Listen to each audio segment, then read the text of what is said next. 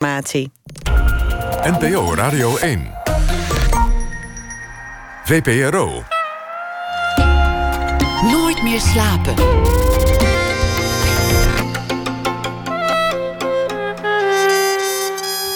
Met Pieter van der Wielen. Goedenacht en welkom bij Nooit meer slapen. Dat wordt oorlog, beloofde de titel alvast ronkend. En ja, het werd ook oorlog. Na één uur hoort u de psycholoog die besloot de opnames van het BNN-televisieprogramma stil te leggen in het belang van de deelnemers. Overigens was het een uh, buitengewoon geslaagde eerste aflevering met prachtige zinnen als: We gaan ze nu wat persoonlijkheid ontnemen. Een experiment in groepsgedrag. Dat na ene. Er wordt weer gebouwd in Nederland, zeggen de makers van het architectuurjaarboek. Een van de samenstellers is Kirsten Hannema en zij bespreekt de oogst van het afgelopen jaar. Maar we beginnen met Anousha Nzume. Je bent vast heet in bed. Je bent vast iemand met een goed ritmegevoel. En er was een nacht, een dronken nacht, dat Anousha het zat was en besloot om alles een keer om te draaien. Om een keer die andere groep als groep te beschouwen. En dat werd een boek, Hallo Witte Mensen. Een handboek voor de witte mens. Het deed al veel stof opwaaien. Presentator Erik Corton bijvoorbeeld, onder al die tatoeage inkt toch nog een witte man, omarmde het boek. Ik citeer hem. Dit boek bewijst dat je als witte man of vrouw soms gewoon even je mond moet houden. Dat het louterend werkt om te luisteren en jezelf eens radicaal tegen het licht te houden. Bondjes en littekens op de ziel gegarandeerd. Het werd tijd. Anousha Nzume werd geboren in Moskou in 1969.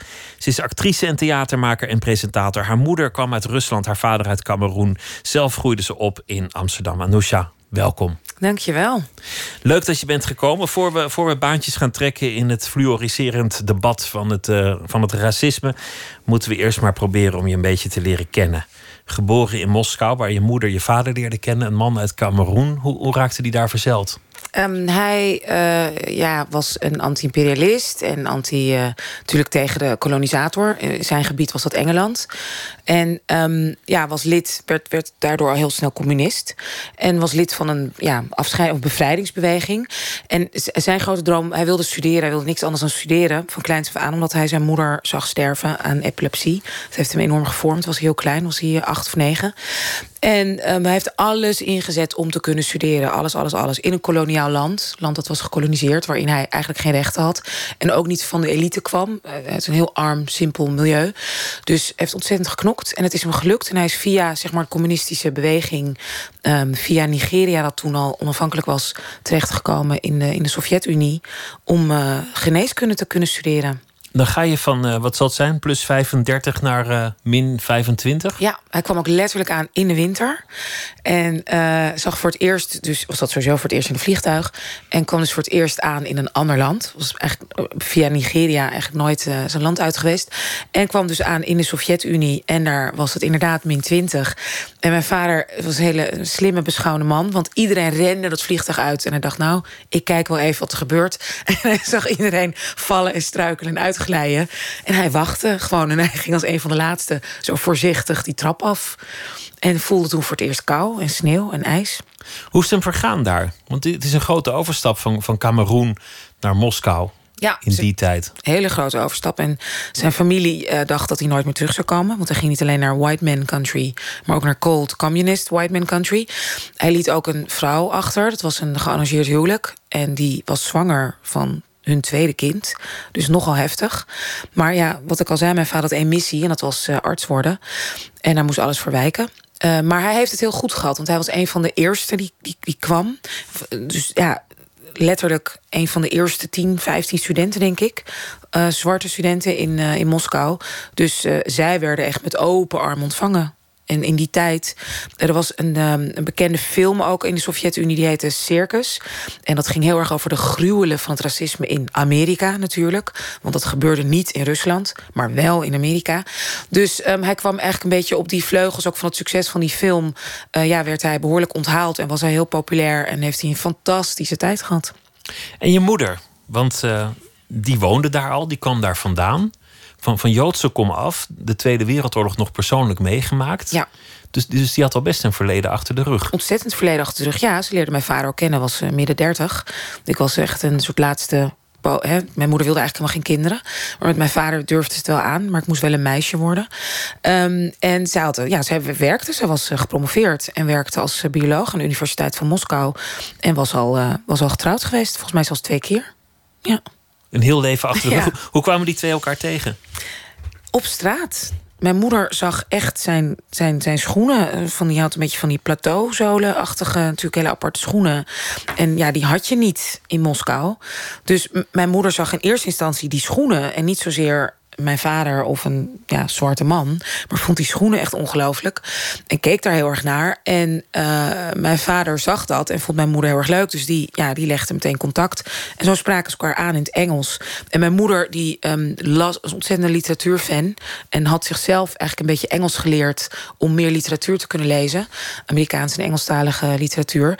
En um, ze vond het leuk om dus met mijn vader ook te kletsen en, en te spreken. En ja, vond hem ook, ook wel knap. Dus zo, uh, zo ontstond het echt op straat. En daar kwam jij uit, uh, uit voort? Ja, een aantal jaar later. Ze waren vijf jaar bij elkaar ongeveer toen ik kwam. Ja. Hoeveel, hoeveel kinderen hebben ze samen gekregen? Alleen mij. Alleen jij? Ja, mijn moeder wilde, was zo blij met één meisje. Dus zij wilde niet nog een kind. Want ze was bang dat het een jongen zou worden.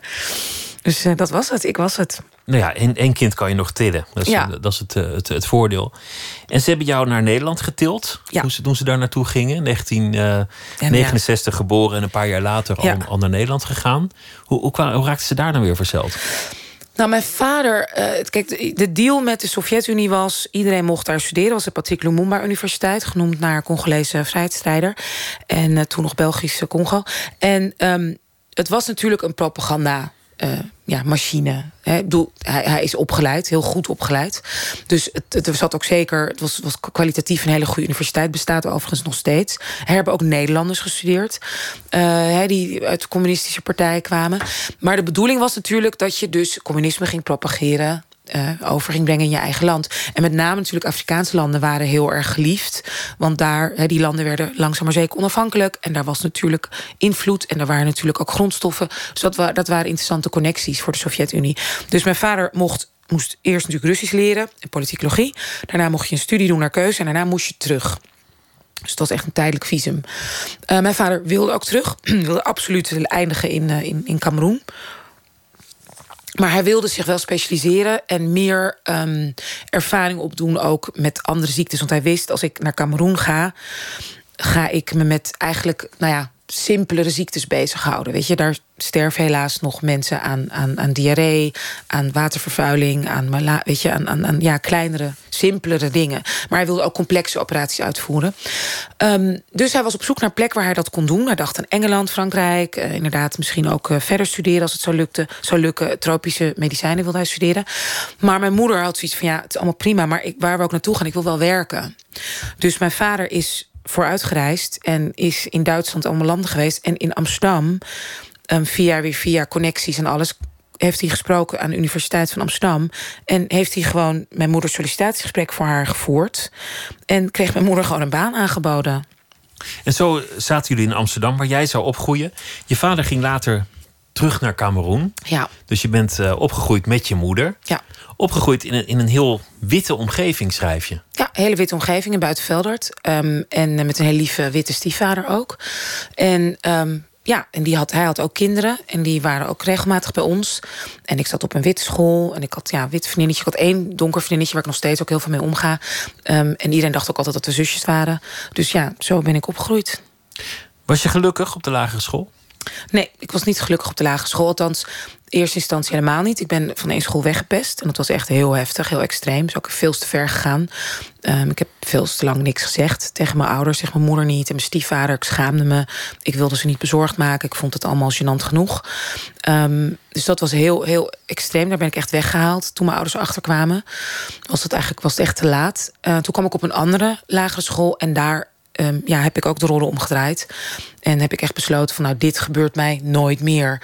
Dus vanaf toen had ik op alles gewoon een antwoord, op alles een grap of een map of uh, bij de hand, bij de hand opmerking. Dus toen ben ik echt heel mondig en sterk. Echt heb ik besloten, echt knop omgezet in mijn hoofd van oké, okay, ik moet veranderen, klaar, het is over. Maar je, je moest je ook verdedigen. Het was ja, nodig. Anders, nodig. anders zou je weer gepest zijn geweest. Ja, dat weet ik natuurlijk niet. Maar dat er zeg maar wat ik toen geen woorden kon geven, een soort hè, culturele hardnekkige aannames zijn die effect hebben op een kind op een witte school. Ja, zeker. Ja. Want daar ging het over. Ja, op mijn eerste school ben ik absoluut alleen maar gepest vanwege mijn huidskleur. En dat ik een Russische moeder had. Dus ik werd heel um, creatief uh, spoednikker genoemd. Want in die tijd had je dus de spoednik. En ik was ja, donker, dus nou, dat was uh, 1 in 1 was 2. Kinderen zijn meedogenloos. Ja hoor, ik vind dat heel erg leuk als mensen zeggen dat kinderen um, uh, onschuldig zijn. En uh, weet je, inderdaad, ja, ik, ouders zeggen wel eens tegen mij: mijn kind heeft ontzettend gevoel voor rechtvaardigheid. En dan denk ik altijd ja, voor zichzelf. Zo zijn kinderen, want die moeten inderdaad ook zien te overleven tussen volwassenen. Dus die zijn heel erg van de ikke, ikke, ikke, wat ik begrijp. En ontzettend, zie ik ook bij mijn eigen kinderen: heb jij dit gedaan? Nee, heeft hij gedaan. Ja, dat is een, dat is een biologisch reflex van kinderen. Um, en uh, ja, zijn er ook beïnvloed door de samenleving, door, de, door alle zeg maar, indirecte boodschappen die je krijgt. En ook van, door, vanwege ouders, denk ik. Want zeker op die eerste school, dat was echt um, ja, zoveel racisme heb ik niet meer meegemaakt als, als toen. Ik vind het ook opmerkelijk dat je, dat je koos voor acteren en op het podium staan en in de kijker staan. Ja. Omdat veel mensen die ooit gepest zijn, juist de tegenovergestelde neiging kunnen krijgen. Zichzelf altijd een klein beetje verstoppen, maar niet te veel opvallen. Proberen juist niet in dat licht te staan. Ja. Dat balletje kan twee kanten opvallen. Balletje kan zeker twee kanten opvallen. Ik denk wel dat het tekent is dat ik naar de Kleinkunstacademie ben gegaan. En daar gaan heel veel kids naartoe die zich moeten bewijzen. En die juist zoiets hebben van: wacht even, ik draai alles om. Dus ik zat echt in een klas op een school met allemaal aparte types die niet voor niks een grote mond hadden, brutaal waren en goed waren in grappen. Dus ik denk dat de kleinkunst, inderdaad, de Kleinkunstacademie, um, om die kant op te gaan, misschien net wat andere kinderen trekt dan inderdaad braaf de toneelschool. Dat wilde ik op zich wel. Ik wilde heel graag actrice worden. Ik wilde heel graag Olivia Newton-John zijn en er zo ook uitzien. En het was echt een leraar op de middelbare school die tegen mij zei: dat kun je echt vergeten. Ik er zijn gewoon geen rollen voor jou. En dat was heel hard, maar hij had wel gelijk. Hij zei eigenlijk, jij moet schrijven. Hij vond, het, hij vond dat ik heel goed kon. Dat ik goed genoeg kon schrijven om me daarin uh, te ontwikkelen. Maar dat dacht ik, oké, dan doe ik de kleinkunst. Want dan kan ik en een beetje acteren en ook schrijven. Dus je werd uh, actrice. Uh, je hebt in heel veel series gespeeld, in heel veel theatervoorstellingen. Je bent gaan presenteren. Je hebt alle hoeken eigenlijk van, van het métier gezien. Ja. Je bent, bent in elke uithoek geweest, van, uh, van Nunspeet tot, uh, tot boven Karspel. Ja. En overal heb je, heb je staan acteren. Onderweg heb je eigenlijk volgens mij ook moeten leren wat het is om een zwarte vrouw te zijn. Hoe je, hoe je dat eigenlijk doet. Ja, klopt. Er was niemand van wie je het kon afkijken. Nee, nee, thuis niet. Ik bedoel, mijn moeder is natuurlijk zeg maar officieel wit, maar is als je kijkt zeg maar sociaal-maatschappelijk wordt zij wel gezien als um, apart, misschien niet helemaal wit, omdat ze Russisch is en een accent heeft. En zo is ook altijd behandeld. Dus in die zin wist mijn moeder heel veel over uitsluiting en ook heel veel over discriminatie. Ik bedoel, zij is behoorlijk gediscrimineerd, alleen al om haar, om haar accent. En ook omdat ze Russisch was, werd ze heel, zeker in de jaren tachtig, de Koude Oorlog, werd zij door sommige mensen heel erg gezien als, als, als hoe gevaarlijk. Um, dus in die zin, en ik heb een communistische, hè, hele socialistische stiefvader. Dus ik ben um, wel um, weerbaar opgevoed. Maar inderdaad, wat het betekent om een zwarte vrouw te zijn, zag ik als iets negatiefs. Ik dacht mijn hele jeugd, ja, ik, ik ben natuurlijk niet, niet zo mooi als mijn blonde vriendinnen met een paardenstaart. En um, ik heb niet dit soort haar en ik heb niet zo'n soort huid, ik heb niet zo'n soort figuur, ik heb een ander lijf, ook anders dan mijn moeder. Voelde je dat echt zo dat het minder was? Ja, absoluut. Ja. En, en kwam dat omdat de jongens niet met, met je wilden zoenen op die school? Nou, dat juist wel. Want ze vonden, dachten allemaal dat ik behoorlijk dat. Nou, die wil wel, was een beetje zo, zeg maar, de tendens. Maar inderdaad, ik werd niet gezien als een knap meisje. Um, maar wel, um, wat wilde. Uh, hoe het dan kwam, is natuurlijk door alle boodschappen die ik kreeg van de maatschappij. Er is, zijn ook tests gedaan. Als kinderen vier jaar oud zijn, kinderen van kleur, weten al, zien al door wat ouders ook zeggen, wat docenten ook zeggen, gewoon door alle boodschappen van de media om ons heen, hoe de maatschappij in elkaar zit, voelen de, 9 van de 10 zwarte kinderen zich al minderwaardig. En spelen ze liever met witte Barbies dan met zwarte Barbies. Dat is uitgebreid getest al in de jaren 50, in de jaren 60, kort geleden nog door CNN. En dat heb jij bij jezelf ook ontdekt, ontdek, als je nou, terugkeek? Ja, later achteraf, toen dacht ik gewoon, ja, maar het is ook zo. Olivia Newton-John is ook veel mooier dan ik. Dat, dat zijn de mooie. Die zag ik nu. Weet je, Timothée-reclames met dat haar dat zo naar achter vloept. En va en nou ja, noem maar op. Ja, dat was alles wat ik zag. En dat werd maatschappelijk natuurlijk gezien als de absolute schoonheid. En wie, wie, waren, ik mee. wie was de eerste zwarte eh, in jouw omgeving van wie jij kon leren hoe het ook kon? Dus ik heb het niet over een, over een icoon ver weg als Whitney Houston. Die natuurlijk heel knap en, en Ja. bijzonder en, en zwart was. Wat, wat vast ook betekenis had. Maar dichtbij. Ja, dichtbij was dat eh, een actrice eh, en ook theatermaker, programmamaker Jetty Maturin. Ehm, ik, ik was toen al niet eens meer zo piepjong, was 1 of 22 en ik zat in Vrouwvleugel, televisieserie, mijn eerste zeg maar ja, grote rol. En, of groot, nou, een rolletje, maar wel vast. En ehm, zij zag in mij iets zoekends, iets niet helemaal comfortabels met mijn lijf of met wie of wat ik was. En zij heeft me echt gewoon letterlijk omhelst, in de armen genomen en eh, heeft mij ja, ondergedompeld, heeft mij opgenomen in haar familie. Ze heeft heel veel zussen, ze had twee dochters, ook een, een zoon en vriendinnen en kennissen. En daar voor het eerst werd ik omgeven door vrouwen die er zo uitzagen als ik, die zo'n lijf hadden, die zo, beetje, ja, nou ja, het was een en al herkenning en warmte. Voelde als en liefde. Absoluut. Ook in Cameroen, toen ik jaar of 16 was. Maar daar was ik toch ook wel, zeg maar, bij mijn vader op bezoek. En voor het eerst in het land. Dus dat, dat was meer een soort iets, iets emotioneels. Maar het vrou- vrouw zijn, ja, ik was ook een laadbloeier. Dus op die leeftijd was het ook perfect. Op mijn 16e was ik eigenlijk nog een kind. Het boek. Je, je, je beschrijft heel veel dingen die jij hebt meegemaakt. Ik zal nooit weten hoe het is om een zwarte vrouw te zijn. Dat zal ik van jou moeten aannemen en van andere mensen moeten aannemen. Want ik, ik, ja, het gaat vaak over subtiele dingen die ik nooit zal meemaken als blanke man. Het boek is aan mij gericht. Ja, witte man, hè? De, de wit, witte man. Blank is, is meteen ook een soort onbevlektheid, heeft dat in zich. hè? Ja, precies. Het heeft een hele, nou ja, in ieder geval geen neutrale connotatie. Het slaat niet alleen op de kleur. Ja, nou da- daar begin je al met de terminologie. Eh, Zelf, zelf worstel je er ook mee. Ja, zeker. Moet je zeggen zwart, bruin, van kleur, Ja. Afro-Europees. Eh, eigenlijk gebruik je alle termen ook door elkaar. Ja, ja, en ik ben ook zoekend daarin. En er is heel weinig discours over in Nederland. Eh, we proberen met een clubje mensen al heel lang bij elkaar te komen om dat eens te bespreken. Maar op academisch niveau is er nog is er weinig, ehm, zeg maar, echte beweging of, of, of, of een soort, soort eh, lexicon die we als Nederlandstaligen kunnen gebruiken. Dus vandaar dat ik heel veel ook refereer aan Amerikaanse terminologie. Wat was het moment dat je dacht: God, ik ben het zat, ik pik het niet meer, de emmer is vol? Ja, nou ja, het- het- een emmer kan inderdaad vol gaan raken doordat er gewoon hele sloot water in komt. Het kan ook allemaal kleine druppeltjes zijn, maar op een gegeven moment is hij inderdaad vol. En daarna is die weer even leeg. En dan is hij een beetje leeg. Dus ja, ik denk, het is, ik denk toch, wat ik toch wel omschrijf in mijn boek, die avond ehm, aangeschoten en wel zo terugfiets. Ik dacht van, daar gaan we weer. Wanneer houdt dit nou eens op? Dat, dat, dat ik dezelfde dingen moet zeggen, dezelfde opmerkingen, hetzelfde geduld moet hebben, vrolijk terug moet lachen, niet te ver kan gaan. Want dan, weet je, straalt het weer af op iedereen, op de hele groep. Wanneer ben ik nou gewoon dit en mag ik ook fouten maken? Wat, Dat- wat voor avond was voelde dat? Ehm, het was een, eh, een, een, een, een, een avond. Een, ja, ik wil niet de mensen embarrassen, maar het was een, het was een viering van iemand en die had iets te vieren. En voor de zoveelste keer was ik gewoon de enige persoon überhaupt van kleur. En ehm, ja, dat, dat, dat was voelbaar. Ik, ik kwam binnen, ik had, ik had gewerkt. Ik had eh, een dagvoorzitterschap gehad. Dus ik kwam al later bij het, bij het etentje, bij het eetgedeelte. En toen werd ik al heel sissend en naar, zeg maar, bin, nee, toen binnenkwam, zo van stil. Met, met onwijs veel agressie. Terwijl ik heel voorzichtig binnenkwam. Dat ik al dacht van, jeetje, is dit nou...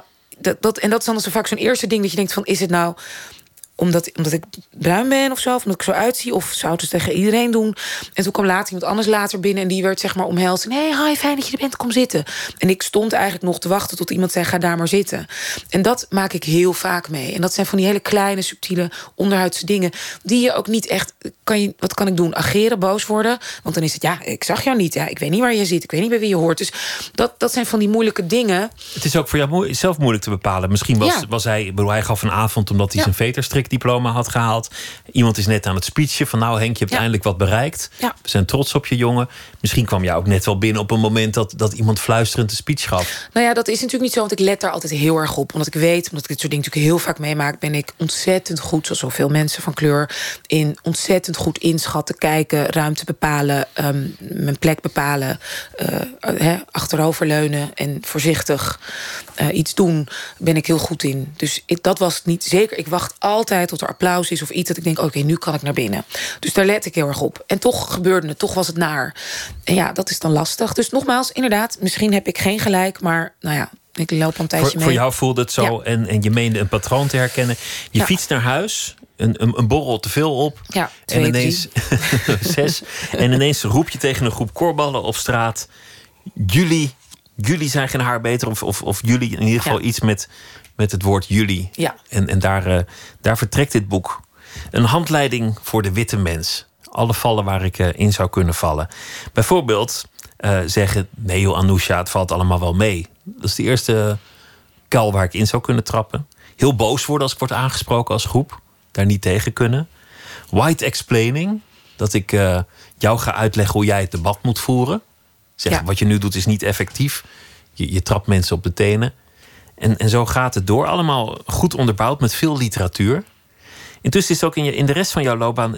eigenlijk een heel belangrijk component geworden... van, jou, van jouw publieke persona. Ja, Het, het racisme-debat. ja, ja. Hoe, hoe, is, hoe is dat gegaan? Ja, heel raar. En eh, een beetje, ik wil niet zeggen tegen wil en dank, maar het was natuurlijk niet de bedoeling. Want ik, ja, maar omdat ik wel natuurlijk cabaret maakte en theater maakte. En het is zo grappig, want ik moest er laatst aan denken dat iemand die mij begeleidde, want ik heb meegegaan met het Leids Cabaret Festival. En dat ging ook over mijn afkomst, over Russisch, Afrikaans zijn. En niet zozeer over racisme of over inderdaad zwart zijn, hè, tussen zwart in een tussen witte wereld. En ik weet nog dat ik toen had over programma maken, of misschien of een derde programma of iets. En dat ook iemand zei van ja, het is wel belangrijk dat jij je engagement nog een beetje vindt. Hè?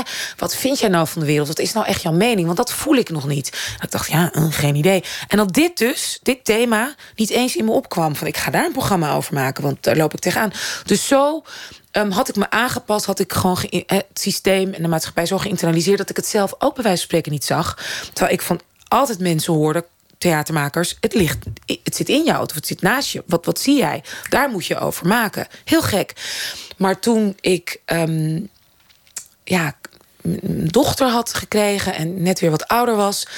En, en, en begonnen langzaam dingen eindelijk gewoon een plek te krijgen. Omdat wat vaak gebeurt, mensen, hè, wat, dat herken ik ook van heel veel gesprekken die ik heb gevoerd met mensen van kleur, is als je begint en je bent up and coming en je bent jong en je bent plezierig en zeg maar plooibaar, dan is het een stuk makkelijker dan als die stap gaat naar mainstream. Naar mogen meebeslissen, naar mogen meebepalen, naar inderdaad een koers neerzetten in plaats van een koers volgen. En daar liep ik tegenaan toen ik dacht: hé, hey, ik schrijf een opiniestuk over iets wat is gebeurd in de maatschappij waar ik me druk om maak. Ik geef een mening, gewoon opinie, gratis. Volkskrant, oh, het is geplaatst op zaterdag, wat goed. En toen kreeg ik een hele bak, echt letterlijk stront over me heen. Nou, toen dacht ik echt van, maar wacht eens even.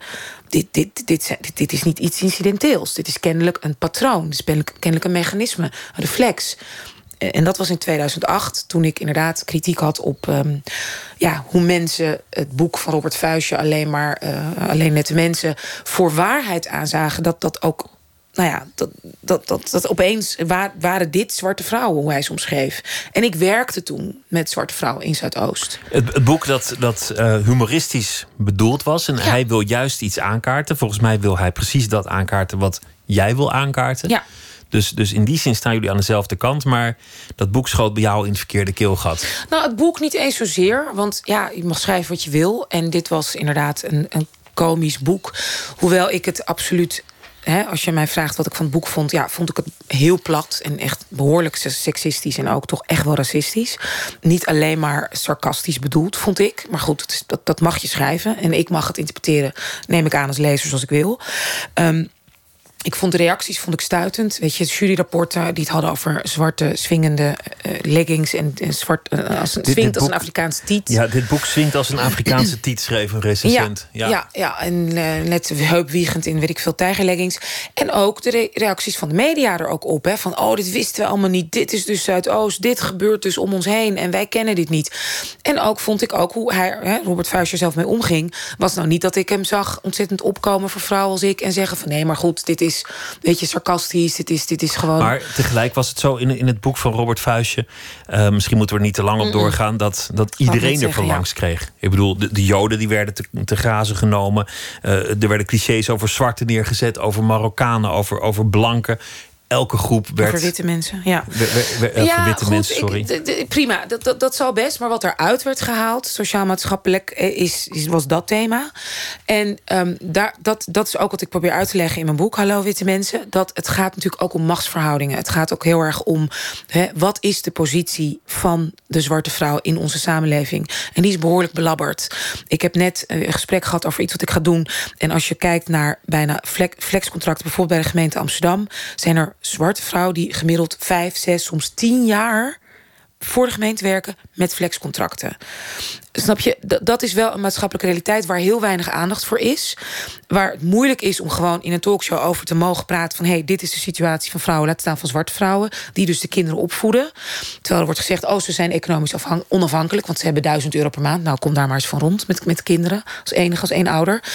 Maar dit thema, dus inderdaad dikke tiet en lekker en hoe, hoe ze zijn zo gewillig en we gaan op safari als we uitgaan om vrouwtjes te scoren, dat wordt helemaal, helemaal breed uitgemeten en zit in alle talkshows. En dat mechanisme dat is wat mij pijn deed. Dat is wat mij raakte. En daar dacht ik, als Nederlandse vrouw... die al inderdaad in de media ook af en toe werkzaam is... en theater maakt, daar heb ik recht op om wat over te zeggen en te vinden. En de reacties waren, nee, dat mag jij helemaal niet zeggen. Hou je mond, wees leuk, pas je aan. Dat vond ik zo shocking. Dus... Maar je beschrijft ook dat, dat uh, feestjes, etentjes, vakanties uh, avonden waar je iets leest, eigenlijk allemaal in, in een soort grafstemming eindigen. Of, of in onmin, of, of dat, uh, dat er scherven onder de tafel liggen. Vakanties die voortijdig worden afgebroken. Verjaardagen waar ze zeggen: Nou, laten we Anousha maar niet meer bellen, want die begint ja. weer over racisme. Krijg je dat weer? Vroeger was het een leuke vrouw, maar tegenwoordig is ze een beetje verbeterd. Zuur, ja. Is, is ze zuur. Dus, dus het heeft ook in je eigen leven tot nu toe veel ellende gebracht. nou, gelukkig heb ik ook heel veel voor teruggekregen. Ja, wat dan? Uh, nou, heel veel andere vrienden, activistische vrienden en, en, en, en vrienden, veel meer mensen van kleur die ik ken waar ik mee omga. Ontzettend veel gelijkgestemden. Dus um, daar ben ik ontzettend blij. En mijn echte, de echte vrienden die ik had, die heb ik nog steeds, godzijdank, die mij onwijs supporten. Ook mijn witte vrienden, mijn Joodse vrienden, die ontzettend, Marokkaanse vrienden, ontzettend achter me staan. Dus dat, dat, maar inderdaad, ja, in bepaalde kringen of is er een soort randje aan mij, ook in de media. En ja, goed, nou ja, dat is een prijs die ik echt met heel veel plezier betaal. Want wat ik ervoor terugkrijg, ik ben echt veel gelukkiger nu dan dat ik was, zeg maar, tien jaar geleden, absoluut. Laten we voor de verder gaan praten over, over het boek. Um, draaien, uh, luisteren Beyoncé. En dat, dat draai ik met een reden, want die, die haal je aan met Daddy Lessons.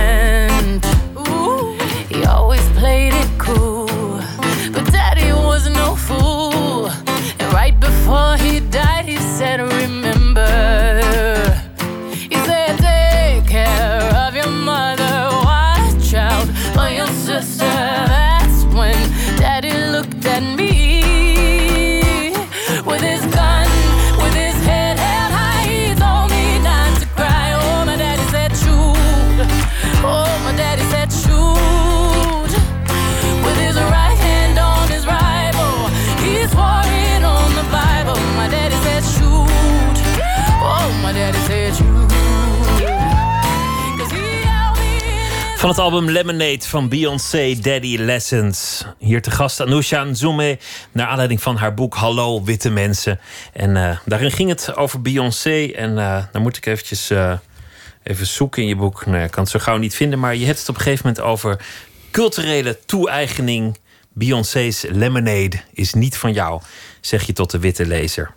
Je zegt eigenlijk is het niet goed als je, als je andermans cultuur ineens gaat toe-eigenen zonder echt te begrijpen waar het, waar het over gaat. Niet je JC en Beyoncé feestjes laten plaatsvinden als je niet hebt verdiept in wat eronder zit, in wat racisme is en wat de, wat de strijd van de zwarte vrouw is. Wat bedoel je daarmee? Ehm, nou ja, goed. eh, Ik, ik kan je natuurlijk niks verbieden wat je doet in je eigen huis. Ehm, dus natuurlijk mag je het wel doen. Maar eh, het is natuurlijk een van de latere hoofdstukken in het boek. En zoals jij zei, eh, toch, het, de riem wordt steeds strakker je, je schrijft op een gegeven moment, nu zal de witte man wel, of de witte lezer, of de blanke lezer, wat, wat was Nee, het ook wit. Witte lezer, die zal nu wel denken van. God, mag ik dan helemaal niks meer? En het, het geestige is dat ik dat ook op, precies op dat moment dacht. Ik dacht, jee, mag ik nou echt helemaal niks meer? En Ja. toen kwam, toen kwam, Toen kwam eh, dit eh, nog eens, ja. Beyoncé. En toen kwam ook Donnie's, een hippe donnertent Ja, in ja. Amsterdam. Kijk, waar het, eh, het, is, het is een lastig te bevatten hoofdstuk, kort snap ik heel goed. Maar waar het om gaat is weer machtsverhoudingen en wie heeft hier baat bij. Kijk, als je bijvoorbeeld kijkt, wat denk ik een heel goed voorbeeld ervan is, is Elvis. Die zien wij als de grondlegger van de rock and roll.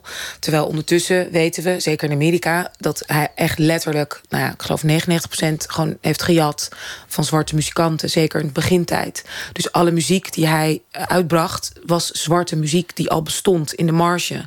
Ehm, en dat werd al gezien als inderdaad, hè, zelfs die mensen die, die dit hebben gemaakt, los dat ze niet eens de credits hebben gekregen, hebben ze ook geen cent, niks daarvoor gekregen. En ook niet de fame. Hij was de grondlegger van rock'n'roll. En dat is hij gewoon niet. Was hij gewoon niet. Hij heeft het letterlijk gewoon gekopieerd. Want hij kwam uit het zuiden, kwam in die clubs en dacht: hé, hey, dat ga ik ook doen. Tegelijk, hij was een, een straatarme jongen uit Tupelo... Die, die speelde met die muzikanten samen, die, die dronk met die muzikanten. Hem maakte het niet zo uit of het blank of zwart was. Hij, hij hing gewoon rond op Beale Street en dat was wat hij aantrof. Ja, maar waarom heeft hij die mensen dan niet de credits gegeven? En, en die hoorden niet bij zijn possie van zijn vrienden die hij overal mee naartoe nam. En waarom heeft hij ze niet betaald voor, voor de muziek? Waarom heeft hij niet hun namen genoemd en, en neergezet op al zijn platen van wie die muziek eigenlijk komt en waar hij zijn inspiratie vandaan heeft Maar gehaald? wat is culturele toe-eigening? Waarom is het een probleem als een hippe donnertent van, van blanke jongens donder serveert met pompoen en, en avocado en andere dingen die, eh, die de rasechte Turk er niet op zou doen? Het is wat er, wat ik er, wat er problematisch aan is, is dat je A ehm, ontkent dat. Wa- Wat, wat zij letterlijk zei in een interview is van ja, nee, het, het is nu niet meer die ordinaire katerhap. En dat vind ik gewoon heel heftig. Als jij gewoon een cultuur, een eetcultuur van ik weet niet hoe oud, zeg maar reduceert tot katerhap, omdat hier in de marge mensen een klein winkeltje proberen te runnen en proberen hun, hè, op hun manier die donor te verkopen. En dat, dus, dat je dus dat ontneemt, dus, dus daar zeg maar ehm, de waarde van zeg maar verlaagt, door nog eens te zeggen, ja, dat is maar ordinair. Wij gaan het nu goed doen. In plaats van, hey, geweldig de credits geven aan, dat, hè, aan die cultuur, aan die mensen. Wauw, al die mensen die dat en dat maken. En bijvoorbeeld met ze samen gaat werken of gaat investeren. Of inderdaad in ieder geval respect toont voor, voor, dat, voor dat voedsel. Maar een broodje donder is toch niet politiek? Jawel, het is zeker economisch ook. Ja, want je, je, je marginaliseert zo'n donortent nog meer door te zeggen: ja, het is maar ordinair. Ik doe het goed. En dan ben je ook nog eens in de positie in Nederland als witte zakenman, waar je het gewoon makkelijker hebt überhaupt om een lening te krijgen of om een winkelcontract uh, te krijgen. Of inderdaad, heb, je, heb je gewoon meer toegang ook nog eens tot alle faciliteiten, ook economisch, sociaal-maatschappelijk en cultureel. Dus het gaat om de ongelijke machtsverhoudingen. Ik zal nooit zeggen dat je niet een leuke donnertent met pompoen mag beginnen, maar weet je, geef ook credit where credit are due en ook respect waar hè, voor een, een, een, een traditie die al jarenlang, zo niet eeuwenlang, al in een land wordt gehanteerd. En omdat mensen hier in armoede naartoe zijn gekomen... of hè, lagere sociale klasse zitten... en proberen zich op te werken... en het dan maar in een snackbar vorm doen... betekent niet dat het minder waardig is. Wat, het, wat de moeilijkheid met dit soort debatten is... is, is als je iets vraagt... verdraagzaamheid, tolerantie, respect dan kun je het ook anders zien. Je kunt het ook verheffen tot een ideaal. Maar een ideaal dat vraagt ook om een verplichting. Dus als je zegt ik vraag om respect, dan kun je ook zeggen mijn ideaal is respect. Maar dan moet je het zelf ook geven aan een ieder die op jouw pad komt. In dit boek wordt het eigenlijk meer jij bakken, vind ik. Ik vind, ik vind dat jij dat niet doet naar de groep die je aanspreekt. Dat ik geen respect toon? Voor nou, geen verdraagzaamheid. Ik vind eigenlijk dat je, dat je ze over één kam scheert, ze toespreekt als één groep. Eigenlijk alle witte mensen nou ja, in één adem benoemt. Waarmee je eigenlijk hetzelfde kwaad begaat dat je zelf zegt te ondergaan. Ehm, nee, dat is niet zo. Omdat ik. Omdat ten eerste is het niet zo, mijn positie is een totaal andere dan, dan, dan, van jou. Jij hoort veel meer bij het establishment en bij, zeg maar, bij zeg maar, de heersende klasse in dit land. Dus wij, wij voeren al een ongelijke strijd. En ja, hoe vaak wordt, wordt, worden mensen als ik niet over één kam geschoren? Het is nog volledig normaal dat een witte tafel het heeft over moslims of over zwarte vrouwen. Maar als je nou vraagt om verdraagzaamheid, dan kun je toch veel beter een toon aanslaan die gaat over verdraagzaamheid. In plaats van zeggen jij bent hier de machthebber, maar jij onderdrukt mij. Ja, maar ik vraag niet om verdraagzaamheid. Ik vraag om gelijkwaardigheid. En um, ja, ik, dat, dan mag je mij heel vervelend vinden. En dat doe ik gewoon graag op, de, op mijn eigen manier. En je hoeft mij niet te verdragen, je hoeft me ook niet te tolereren. Ik wil gewoon gelijkwaardig behandeld worden naar wet en letter in dit, hè, in dit land. Je kunt je dat afvragen gebeurt nog steeds niet. Of je dat bereikt met, met dit boek of met deze toon. Ja, ik betwijfel dat. Ja, nee, dat, dat, dat snap ik heel goed. Heel veel mensen betwijfelen dat. Um, ik heb ervoor gekozen om mensen als één groep aan te spreken die dit willen lezen. Omdat ik ervan uitga dat je het leest omdat je denkt van goh, begrijp ik bepaalde dingen niet. En ik vind ook dat als ik zeg hallo witte mensen, dat dat ook niet onverdraagzaam of onvriendelijk is. Het is hallo, het is, het is ja, vriendelijk bedoeld. Maar je schrijft de hele tijd witte mensen die, die leggen dingen uit. Witte mensen eigenen zich dingen toe. Witte mensen, het gaat de hele tijd over witte mensen, witte mensen, witte ja, mensen. Henkie, ook... Pietje, Jaapie is allemaal hetzelfde. Um, nou ja, volgens mij leg ik ook uit in het, boek waarom ik daarvoor kies. Om jullie om de lens inderdaad om te draaien als vorm. Dat het heel vaak andersom gebeurt. Hè? Dat inderdaad een, een witte documentairemaker gaat naar donker Afrika. En gaat daar samenleven met de stam. En legt ons dan uit in de kamer. Kijk, hier doen ze dat zo. En dat doe ik andersom. Dat is ook een keuze. En dat is ook natuurlijk ook lichtelijk ironische keuze. Ik ben natuurlijk oorspronkelijk een theatermaker, cabaretier. Ik probeer um, met, met, met lucht en humor en een beetje sarcasme. En natuurlijk een beetje kietelen en prikken probeer ik iets te bereiken. Dat heb ik ook wel door en, en ik, ik kan er eigenlijk ook wel om lachen. Maar tegelijk is het in dit debat zo dat heel vaak de humor totaal verdwenen is. Zie Robert Vuistje, zie zoveel andere dingen. Dan, dan is de humor nooit een, nooit een excuus. Of dan mag iemand nooit zich beroepen op de humor. Um, ik weet niet. Nee, volgens mij mag je wel beroepen op de humor. Maar ook bij humor spelen. Ja, goed, en daar zijn heel veel comedies met me eens. Maar er spelen ook machtsverhoudingen spelen een rol. Als ik zeg maar iemand ga afkraken. die bijvoorbeeld in een rolstoel zit. zal ik het inderdaad 9 van de 10 keer winnen dan kan ik wel denken dat ik zelf heel grappig ben.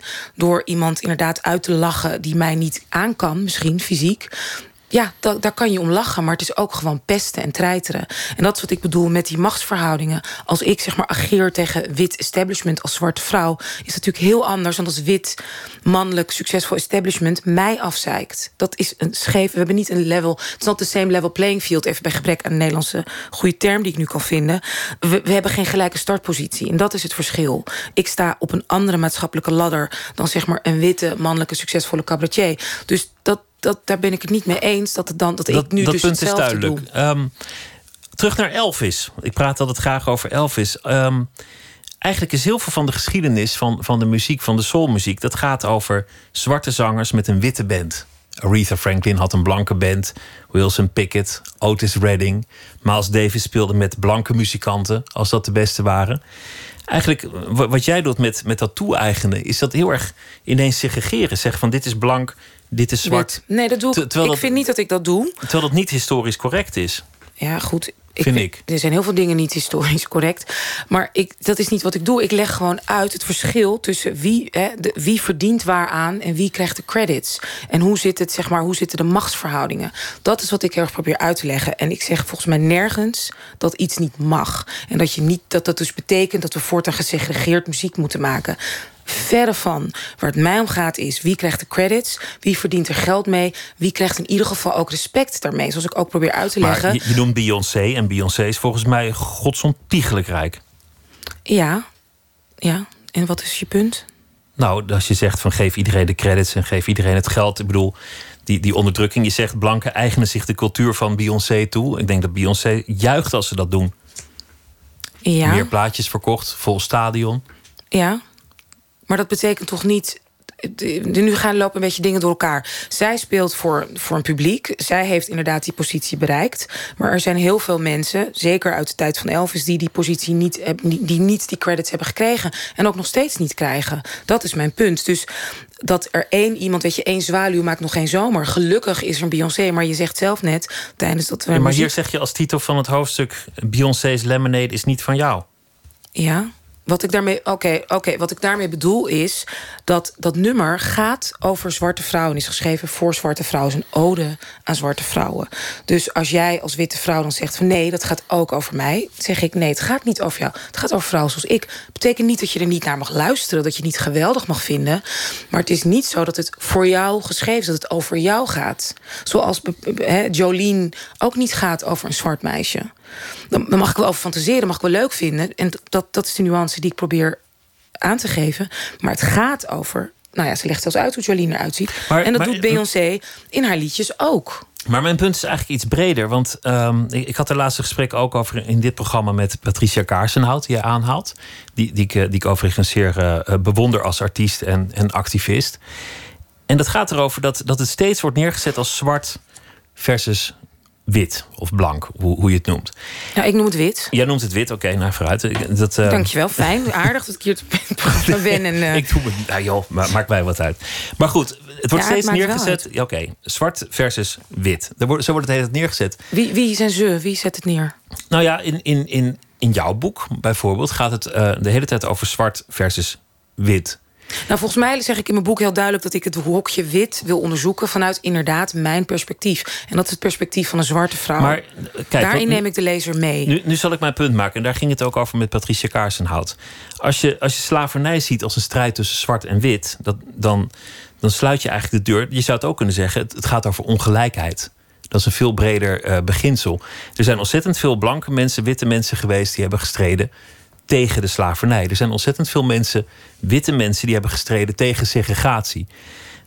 Dan krijg je een, een veel breder kader en dan, dan open je ook deuren om tot een gesprek te komen. Je moet, je moet eigenlijk dat niet alles zien in het kader van zwart versus wit.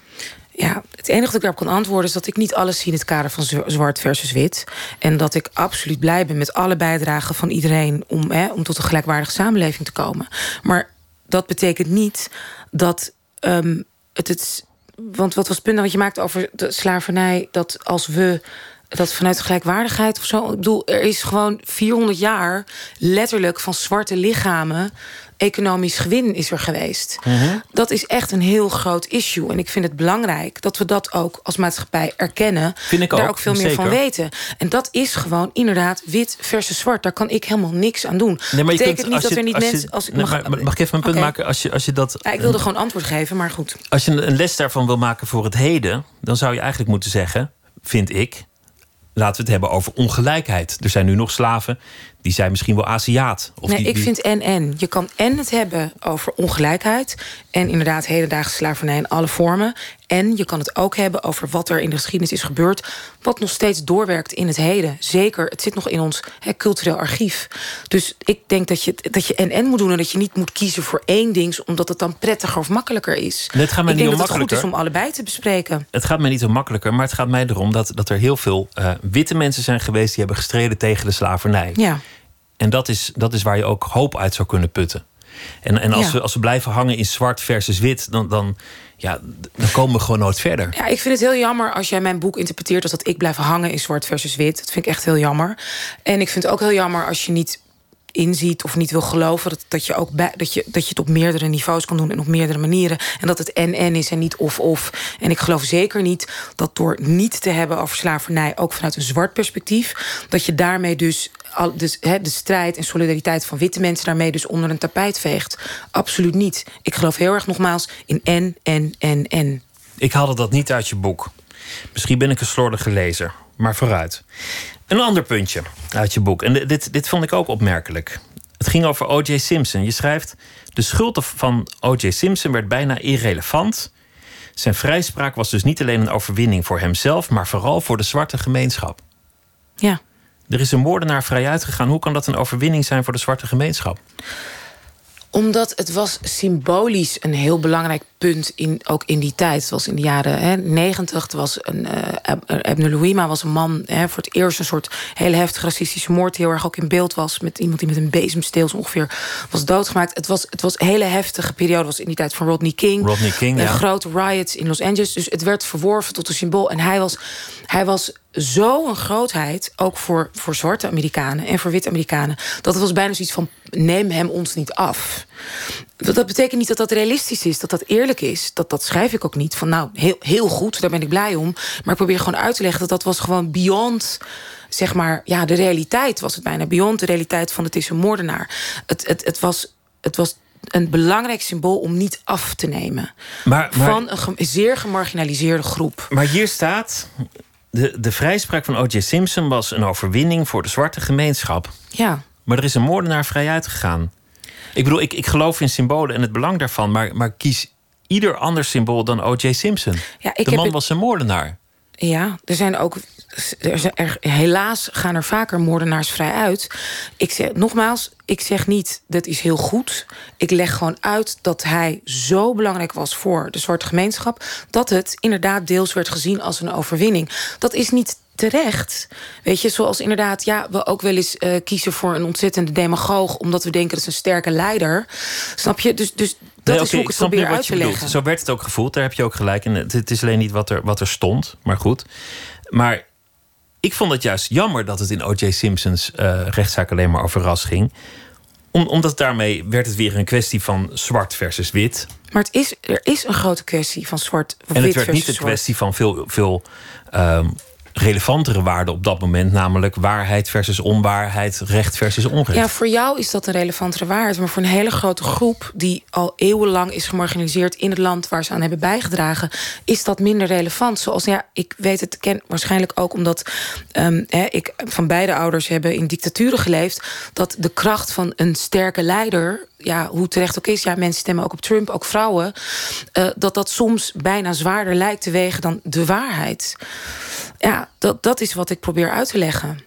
En daar geef ik geen. Dat, dat, dat, dat is niet waar ik daar. daar dat is, ik zeg ook niet dat ik daarachter sta. Ik zeg alleen dat ik het begrijp. Of dat ik het probeer uit te leggen. Maar dat stond er niet.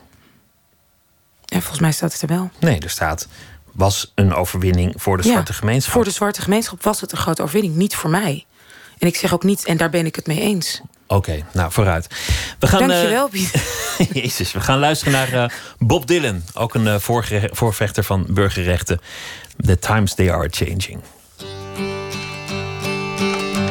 Come gather round, people, wherever you roam, and admit that the waters around you have grown, and accept it that soon you'll be drenched to the bone. If your time to you is worth saving, then you better start swimming or you'll sink like a stone. Or the times they are a changing.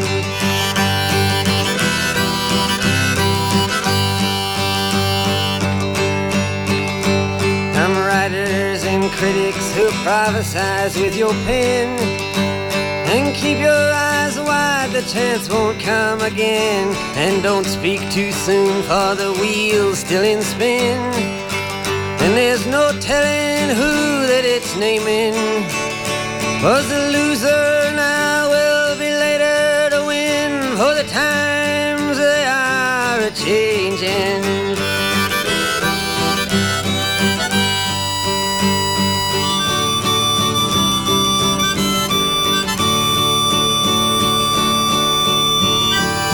Senators, congressmen, please heed the call. Don't stand in the doorway, don't block up the hall. For he that gets hurt will be he who has stalled. The battle outside raging will soon shake your windows and rattle your walls. For the times they are a changing.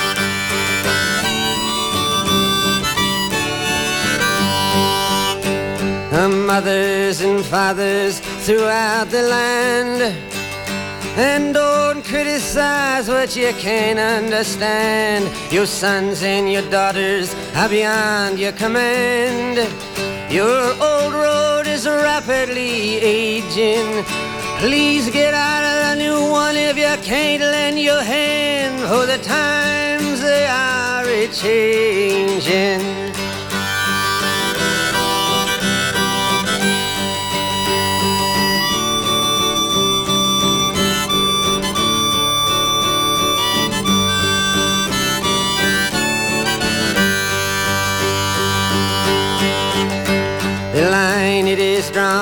The curse it is cast.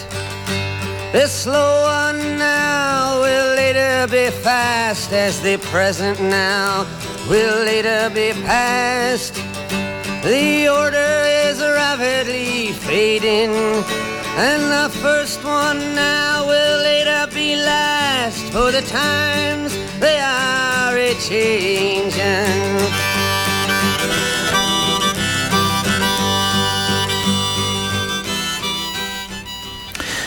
The Times, They Are Changing van Bob Dylan. Tegenover mij zit uh, Anousha Nzume. Het gaat over het uh, boek Hallo Witte Mensen. En uh, we, ja, nou, hoe gaat het? Ja, gaat goed. Oké, okay, nee, je, je, was, je was een beetje gepikeerd tijdens de, tijdens de muziek, had ik de indruk. Nou ja, wat ik, kijk, ik, wat ik zo jammer vind... is dat de discussie zo ontzettend weer verzandt in ja, maar... en in ontzettend veel hele bekende reflexen voor mij. Uh, terwijl ik letterlijk in het boek honderd keer uitleg... dat het gaat niet over een individu of jij als wit persoon doet iets fout. Ik probeer uit te leggen wat een systeem is. Een systeem in plaats van institutioneel racisme. En ik leg het ook uit in een hoofdstuk dat ik ook zeg van... goh, we zitten met z'n allen in een klas, achter elkaar, in rijtjes... en de leraar zegt, gooi allemaal een propje in die prullenbak die vooraan staat. En de kinderen die vooraan zitten... hebben het makkelijker met in één keer een propje in de prullenbak gooien... dan de kinderen die op de derde, vierde, vijfde of zesde rij zitten. Dat is, dat is eigenlijk hè, het systeem, heel simpel gezegd, van institutioneel racisme. En jij als witte, volgens mij heteroseksuele, valide, cisgender man... zit op de eerste rij. En ik zit wat rijen achter jou. Dus als wij hetzelfde moeten doen... is het voor mij een langere afstand. That's all I'm saying. En niet dat iemand daar dus... dat een individu daarvan de schuld is... of dat alle witte mensen daar de schuld van zijn. Dat zeg ik niet. En ik vind het heel jammer en pijnlijk... dat jij dat zo interpreteert. Ik doe dat op basis van jouw boek. Je hebt helemaal gelijk. Het grootste dilemma in mijn jeugd in een kakdorp was uh, hockey of tennis. Ik ga binnenkort in, in therapie om nog eens over dat jeugddilemma na te praten. Je hebt gelijk, ik heb de, de, de makkelijkste jeugd gehad. Je moet het ook niet overdrijven. Ik bedoel, het is ook niet zo dat, uh, dat, dat, ik, dat ik hier een programma heb gekregen omdat mijn papa de omroepbaas belde en dat ik zo kon binnenlopen. Maar dat zeg ik toch ook niet? Nee, nee, nee. Maar goed, ik bedoel, iedereen heeft zijn, zijn moeilijkheid. En ik, ik, wil, ik wil van je aannemen dat het moeilijker is voor zwarte mensen. Wil, wil ik zonder meer van ja, je, je aannemen. van mij aan te nemen. Kijk gewoon naar de cijfers en feiten. En ik noem ook, ik geef ook links in het boek. Hè, dus misschien als ik zelf niet zo uitgebreid ben dat ik alles helemaal ontrafel. Omdat inderdaad, ik wilde een boek schrijven dat voor een breed publiek toegankelijk is. Dat betaalbaar is, dat onder de 15 euro is. En dan ben je ook, dan ben je ook gebonden aan een aantal woorden. Nou, daar heb ik voor gekozen. Maar ik geef ook links andere artikelen, eh, wetenschappers... om juist die verbreding en verdieping... en ook het algemene verhaal ook daarmee te geven. In dus ik heb jouw boek te beperkt geïnterpreteerd, vind jij? Nee, dat weet ik niet. Ik vind in ieder geval in dit vraaggesprek... heb ik niet het gevoel... Um, voel ik, heb ik, ja, heb ik een beetje het gevoel alsof je, alsof je inderdaad... het vooral ja, heel erg persoonlijk hebt opgevat. Ja. Dat heb ik niet. Ik, ik voelde mij niet aangesproken. Maar ik heb me wel hier en daar geërgerd aan de toon die, die, ik, die, die, die, ik zwaar vond. Uh, het ging steeds over wit en zwart. En ik dacht, wanneer komen we daar nou eens voorbij? En ik miste heel erg een, een, een uitweg. Ja, we zijn er, omdat we er maatschappelijk ook nog niet aan voorbij zijn. De cijfers zijn nog steeds zo dat als je als een persoon van kleur minder kans hebt op promotie, minder kans hebt op een stage. Ja, dat zijn gewoon keiharde feiten. En dat... Maar hoe moet je daaruit komen? Wat, wat, is, wat is de weg daaruit? Nou, de weg daaruit is in ieder geval, denk ik, op microniveau. Um, het aannemen wat iemand jou vertelt. En misschien niet meteen in bepaalde reflexen schieten. En op macroniveau heeft natuurlijk ook de overheid en andere grote instituties hebben ook een ontzettend grote verantwoordelijkheid. Dat we er meer over weten. Dat het meer in ons DNA zit. Dat we ons er iets bij kunnen voorstellen. Dat het niet zo'n lange weg is om inderdaad empathie of soort van hè, begrip om mee te bewegen met die situatie. Met, met hoe het is. Want nogmaals, hè, nou ja, dat zie je ook in de film van Sunny Bergman. Wit is ook een kleur. Als kinderen vier jaar oud zijn, hebben ze, zien ze al hoe de maatschappij eruit ziet... en zeggen witte kinderen van vier dat ze beter zijn... en zeggen zwarte kinderen dat ze minder zijn. Maar dat ontken ik allemaal niet. Dat is een maatschappelijke realiteit. Ik, ik, ken al die boeken, ik heb al die films gezien. Tegelijk heb ik ook gezien, ook in mijn eigen omgeving... Uh, mensen, mensen van kleur... Die, en, en niet allemaal, heel veel ook helemaal niet... maar ik heb ze meegemaakt die, die bij elke nederlaag... De, de kaart trokken als een soort joker racisme. Een afgewezen sollicitatie, een mislukte auditie een niet gehaald examen. En dan zeiden ze, het was een racist.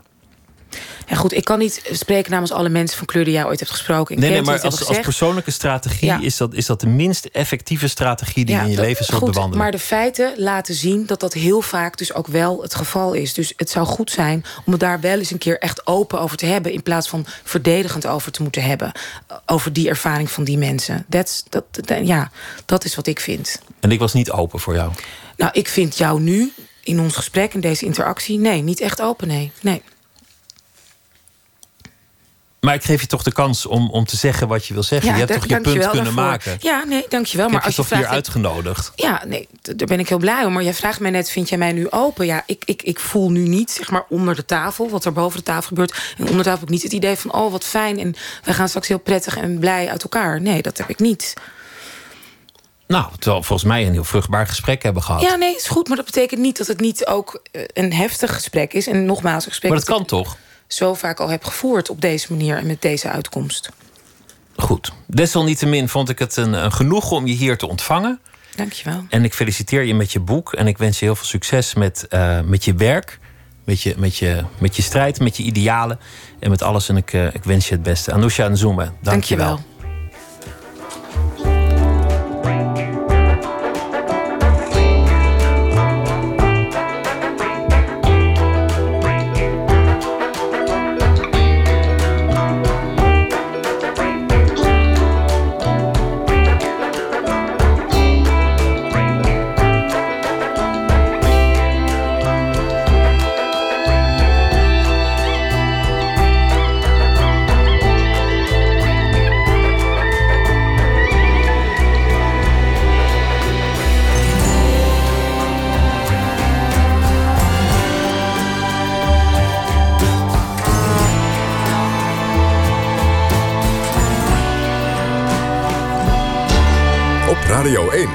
Nieuws van alle kanten.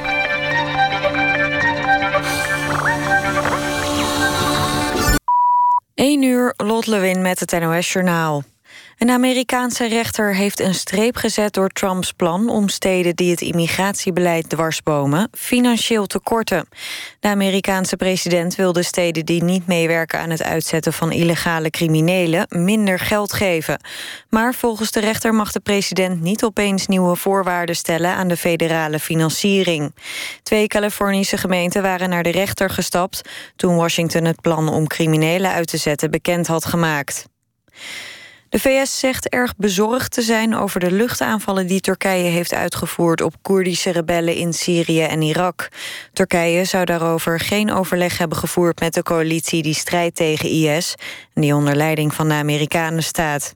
De aanvallen zouden gericht zijn tegen groepen die banden hebben met terreurorganisatie PKK. Er kwamen zeker twintig mensen om. Op een donorconferentie in Genève is bijna een miljard euro toegezegd voor humanitaire hulp aan Jemen. Dat is ongeveer de helft van het bedrag dat volgens de VN dit jaar nodig is in het land, dat door een burgeroorlog kampt met een enorm tekort aan voedsel. Volgens de VN zijn er 7 miljoen mensen in acute hongersnood.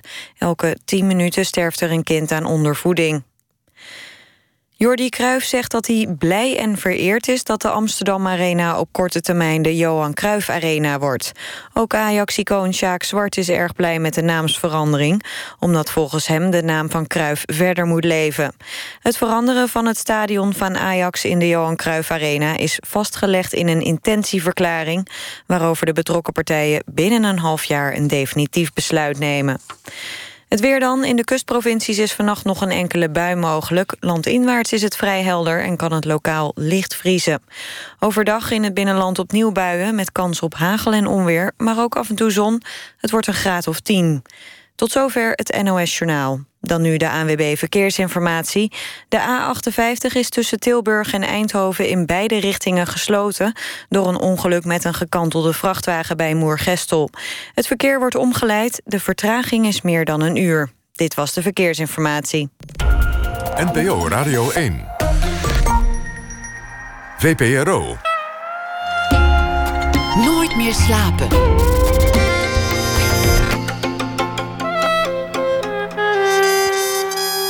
Met Pieter van der Wielen. Theatermakers Iona Daniel en Rieneke Rozenboom debuteren bij Orkater met een rockopera Rumspringa. Zometeen eh, praten we daarover. Morgen wordt het jaarboek voor de architectuur in Nederland gepresenteerd. En de vraag is natuurlijk welk gebouw heeft de cover gehaald. Zometeen is hier eh, Kirsten Hannema, die uh, speelt mee in de rubriek Open Kaart.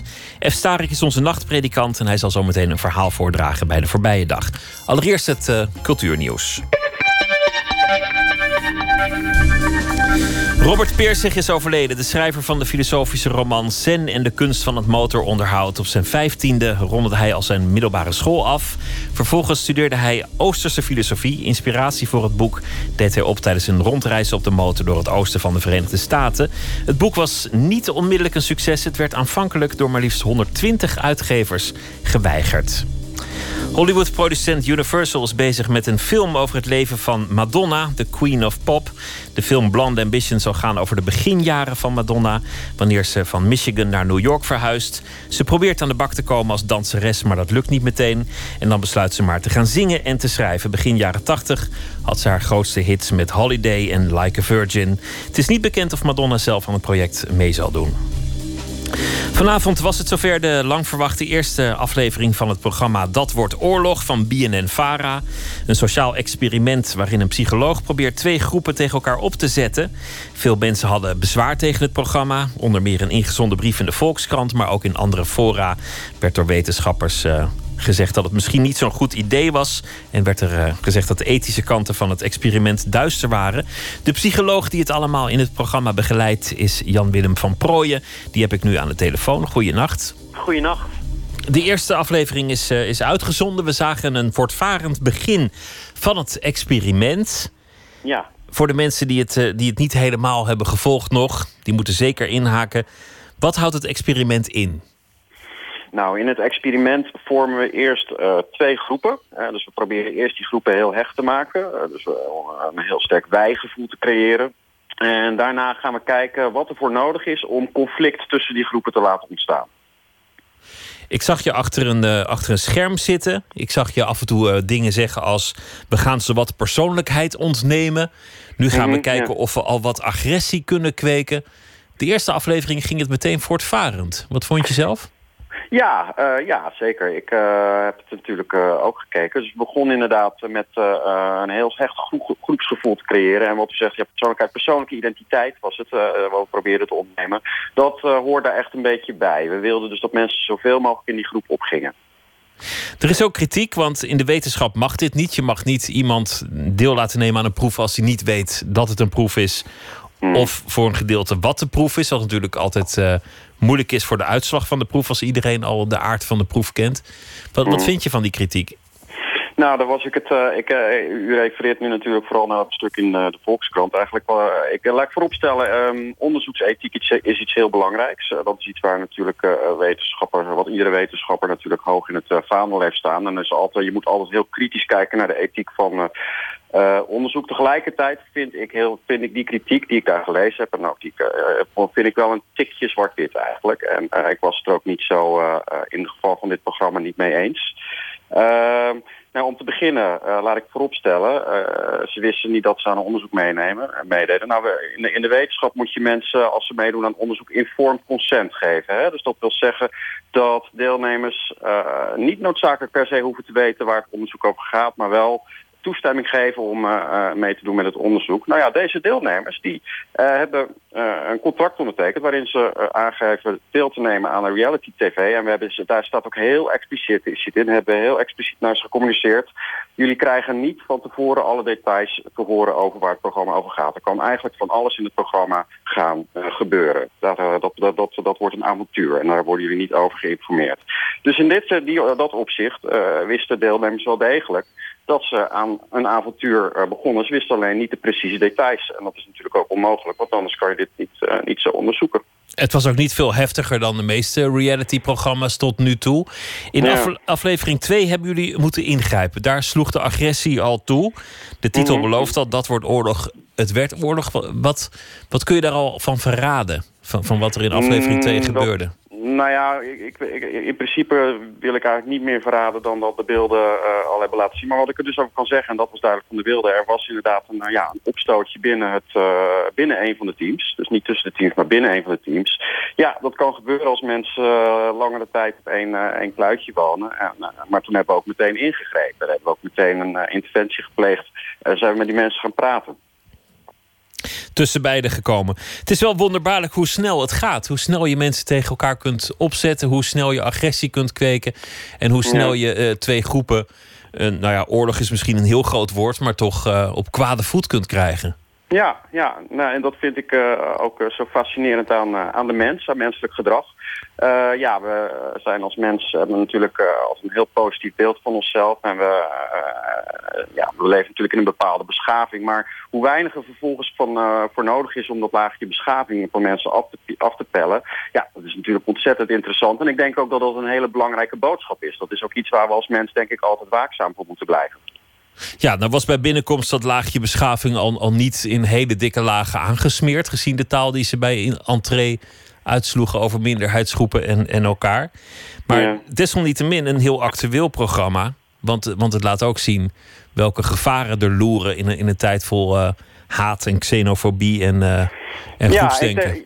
Ja, exact. En ik denk dat dat dit programma ook eh, heel actueel en relevant maakt aan de huidige tijdsgeest. Ik denk eh, dat juist nu eh, in een tijdperk waar ja, de mensen toch redelijk aan het polariseren zijn, natuurlijk in de Verenigde Staten en brexit en populisme door de hele EU heen, dat dit gewoon heel relevant en belangrijk is om van, eh, van de gevaren hiervan bewust te zijn. Op een, eh, op een speelse en ludieke en toch ook spannende manier. De eerste exact. aflevering is geweest. Eh, heel veel plezier, Jan-Willem Prooijen, met eh, de volgende afleveringen. Dat wordt Oorlog. Oké, Goeienacht. U ook.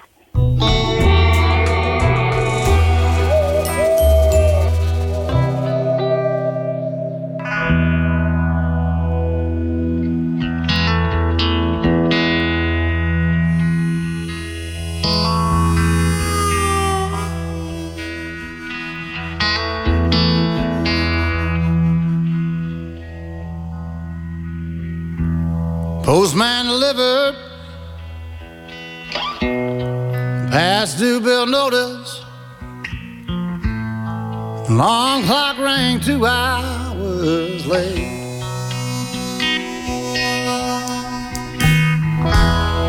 The garbage man left all the trash on the sidewalk.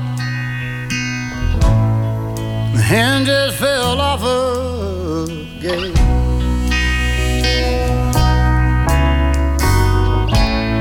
This morning at breakfast, spilled all the coffee and I opened the door on my knees.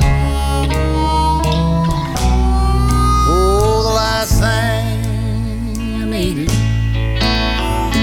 first thing morning was to have down.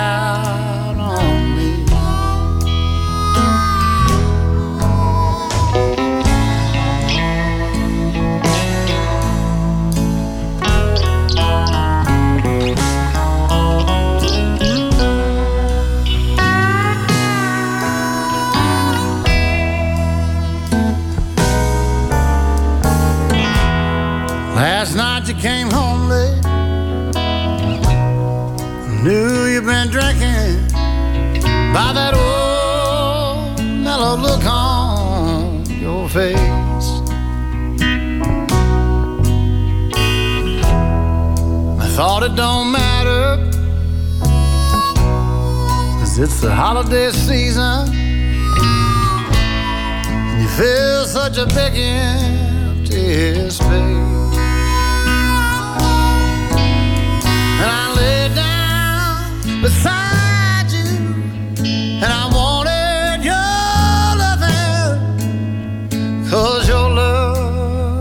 makes my life complete. Oh, the last thing I need, first thing this morning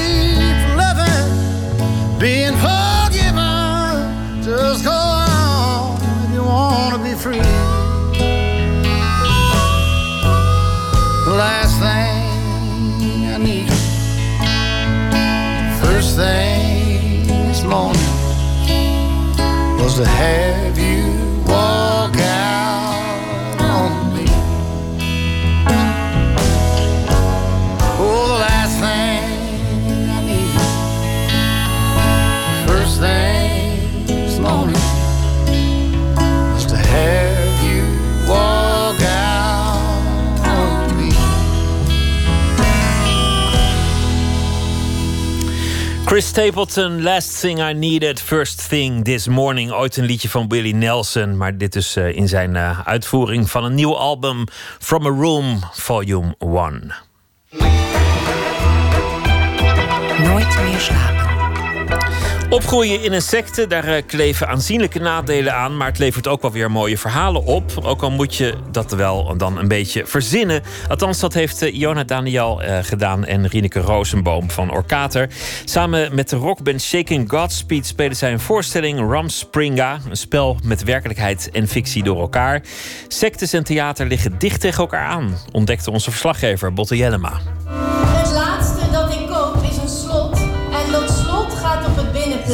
Mijn vader scheurt de flyer van het raam. Het plein is vanaf nu alleen nog voor heimers. Een secte vestigt zich in het Noord-Brabantse vader. Mijn Reek. vader zegt dat de buren de wereld niet meer begrijpen. En dat ze daarom alle deuren dichtmaken en onze binnenplaats stelen. De secte sluit zich af van de rest van de bewoners. Die een kind nog zou kunnen snappen, zegt mijn vader. Maar als ik hem vervolgens vraag wat ze daar dan precies doen... Wat er precies gebeurt, blijft voor buitenstaanders onbekend. Het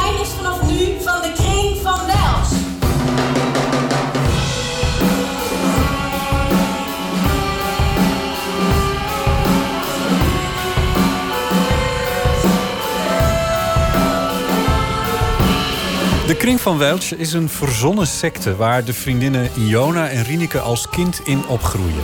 Op hun achttiende mogen ze een jaar lang de wijde wereld in. om daar alles te ontdekken wat daar plaatsvindt. Zodat we daarna kunnen kiezen of we teruggaan of dat we in de wereld blijven. En daar komt ook de titel Roemspringen vandaan. Roemspringa is iets wat sommige Amish en Mennonieten doen. Een jaar proeven van de vrijheid. Eh, want ze willen niet dat er mensen zitten die daar gedwongen in zijn.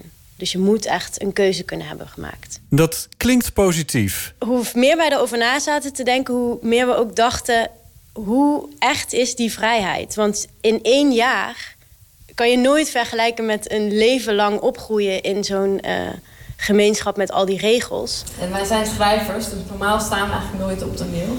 Maar nu wel. En dat is omdat wat we gemaakt hebben heel persoonlijk is. Dit is ons eigen verhaal. Ons eigen onderzoek. Nou zou het heel raar zijn als iemand anders dit zou spelen, als iemand ons zou nadoen. Iona Daniel en Rieneke Rozenboom vertellen hun verhaal in een bijna schoolse setting. Een overhead-projector, kasten met laadjes en mappen met informatie. We vertellen over onze zoektocht naar een jongetje wat uit de secte is verstoten. Ehm, en eh, we laten eigenlijk zien hoe we stap voor stap steeds dichter bij hem komen. En dat is versneden met ehm, ja, scènes uit onze eigen jeugd. En hoe wij zelf de secte hebben meegemaakt. Ze noemen het een valse documentaire. Ehm, we gebruiken eigenlijk de technieken van documentaires of van documentair theater. ehm, die heel helder zijn en heel heldere code zetten voor het publiek. Want tegenwoordig zijn we allemaal best wel gewend om echte verhalen te zien op tv en in het theater. Het is het jaar 1997. Prinses Diana komt om het leven bij een auto-ongeluk. Het eerste boek van Harry Potter komt uit. En wij rijden Reek binnen.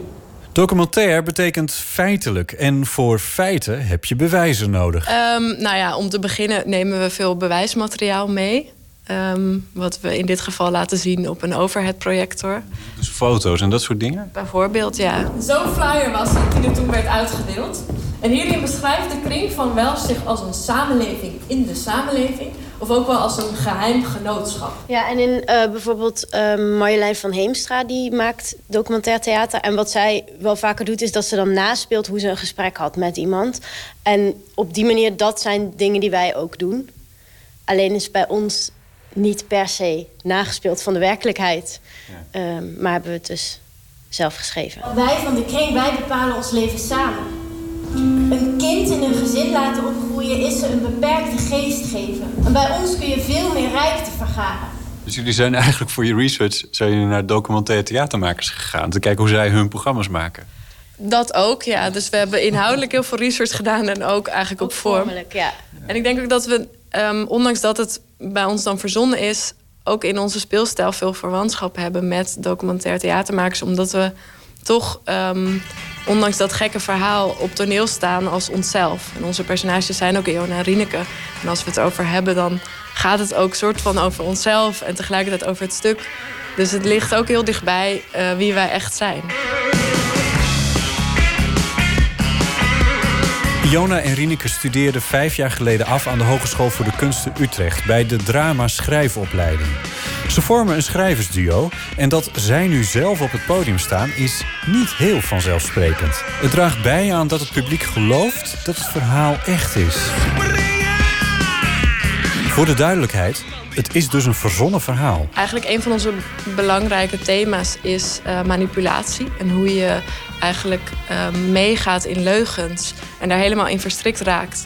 En eh, ja, dat als je achter de waarheid komt, het soms makkelijker is om toch te blijven geloven. Omdat je anders tegenover jezelf moet toegeven dat je al die tijd bent meegegaan in iets wat, wat misschien niet heel slim was. En die man- manipulatie laten we zien inhoudelijk in wat er in die secte gebeurt. Maar dat wilden we ook gebruiken in die vorm. Dus wij manipuleren het publiek ook. De documentaire verteltechnieken worden bewust ingezet om je te laten geloven dat het allemaal echt is gebeurd. Op Oerol waren ze minder duidelijk over dat het verzonnen was en dat hoorden ze terug van hun publiek. Het was wel zo dat achteraf er heel veel mensen naar ons toe kwamen die zeiden: ja, het lijkt ook een beetje op het geloof waar ik in ben opgegroeid. Of wat Iemand had een dominee als vader en vertelde over zijn eigen jeugd. En een vrouw die was zelf uit een secte gekomen en vertelde daarover. En dat is best confronterend als je daar staat met een verzonnen verhaal en iemand eh, ja, komt daar met zijn echte levensgeschiedenis. Want wat, wat kun je dan antwoorden? Je kan alleen eigenlijk maar antwoorden: sorry, we hebben het allemaal verzonnen. Nou, volgens mij wisten deze mensen dat wel. Bijvoorbeeld die domineeszoon was, die zei tegen ons: ik geloof niet dat jullie alles hebben verzonnen. Je moet zelf iets hebben meegemaakt, want anders kan je dit niet gemaakt hebben. Ehm, ja. Wat hebben jullie toen geantwoord? Eh, nou, ik denk dat we hebben volgens mij gezegd dat klopt, Ehm, maar we kunnen niet zeggen wat.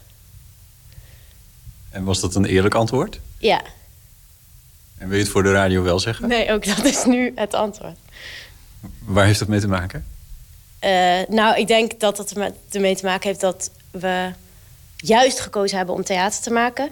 En er dus een, iets anders van willen maken, maar wel het, het, ehm, het systeem laten zien. Ik heb het echt geprobeerd, maar ze willen me niet vertellen wat dat is geweest. We hebben gewoon meegemaakt hoe het is om gemanipuleerd te zijn. Met z'n tweeën.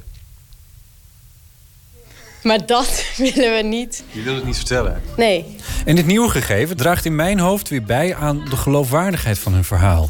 Iona en Rieneke krijgen er meer autoriteit door. Maar het is wel echt waar, want ik bedoel, je zit ja, niet nee, in de ik zit maling. niet, niet nu in de maling. Een uitstekend voorbeeld van manipulatietechniek. Het autoriteitsargument. Ze hebben het zelf meegemaakt, dus dan moet het wel waar zijn. Net als wanneer een verkoper zegt: Ik heb hem zelf ook. Het is een drogreden. Iona en Rieneke geven me hier de perfecte quote voor mijn reportage. Ze hebben het zelf toch meegemaakt. Hoewel ze mij niet willen vertellen wat, waardoor ik het niet kan checken. En ook al zeggen ze dat ze mij niet in de maling nemen, dit is een mooi voorbeeld van manipuleren. Ik moet ze maar geloven. En vervolgens moet u ze maar geloven. Maar we zijn ook maar mensen. In de chaos van de wereld zoek je naar ordening. En dat is precies wat sectes en dit soort gemeenschappen bieden. Zo voelt het dus. Nu ben ik dus volwaardig. Rituelen zijn een belangrijk kenmerk van secten en geheime genootschappen. En het heeft iets theatraals. Sectes en theater liggen dicht bij elkaar. We hebben onder andere de vrijmetselarij ook onderzocht. En eh, die hebben allerlei van die geheime boekjes waarin de rituelen beschreven staan. En dat is eigenlijk een toneelstuk. Want er staat letterlijk, ehm, de gezel knielt en zegt... ehm, En daar staat meester, een code. Ja. Soms ook, want je mag niet alles eh, in die boekjes zetten. Dus sommige dingen blijven Ja, er, geheim. staan, er staan er sterretjes, omdat dat dan het geheime woord is... wat, wat je alleen weet als je het mondeling hebt overgedragen. Maar eigenlijk staat daar precies, ja, zoals een toneeltekst voorgeschreven... hoe je je moet, tegenover elkaar moet gedragen op zo'n moment. Dus dat is natuurlijk heel ultiem theatraal eigenlijk. Ik zit ook meteen te denken van, is het ook allemaal slecht? Keuren jullie het af? Nou, wat we heel erg wil, wat we heel graag wilden, is dat je zowel de aantrekkingskracht ziet in het stuk, maar ook wat het, eh, het afstotelijke ervan eigenlijk. De reden om zo'n groep te beginnen of om erbij te gaan is vaak heel mooi, want je zoekt naar een samen zijn. En eh, er zijn heel duidelijke afspraken, wat heel prettig is. En je voelt je, tenminste in de wereld ben je eigenlijk best alleen. En in zo'n groep ben je heel erg samen. En dat, dat gevoel is natuurlijk supergoed. En dat zoeken wij ook op andere plekken. En dat kan je in een kerk vinden, maar dat kan je eigenlijk ook in een vriendengroep vinden. Of, Bij Orkater. of bij elkaar inderdaad. De secte Orkater. Ja, daar hebben we het ook wel eens over gehad, maar het valt hier best wel mee. Gelukkig maar.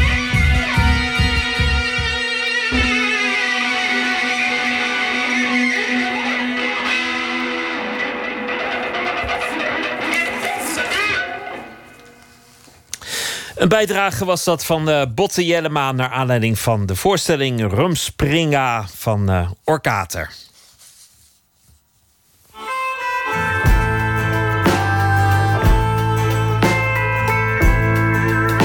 Si tu savais marcher avec moi dans l'oubli, si tu savais m'étreindre comme un enfant la nuit, si tu prenais ma main lorsque pleurent mes yeux, peut-être nous serions heureux.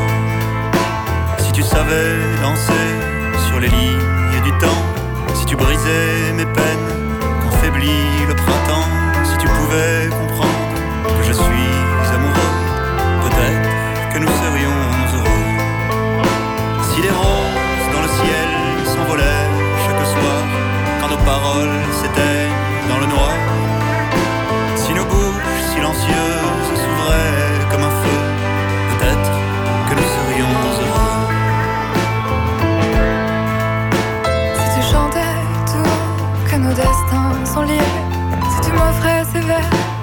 me dire qui tu es, si tu brisais l'enfer, si tu croyais aux cieux, peut-être que nous serions heureux. Si tu voyais demain comme un sourire qui vient, que tu lisais mon chagrin dans le creux de mes mains, si tu pouvais comprendre que je suis amoureuse, peut-être que nous serions heureux. Si le nos paroles s'éteignent dans le noir, si nos bouches silencieuses s'ouvraient comme un feu, peut-être que nous serions heureux.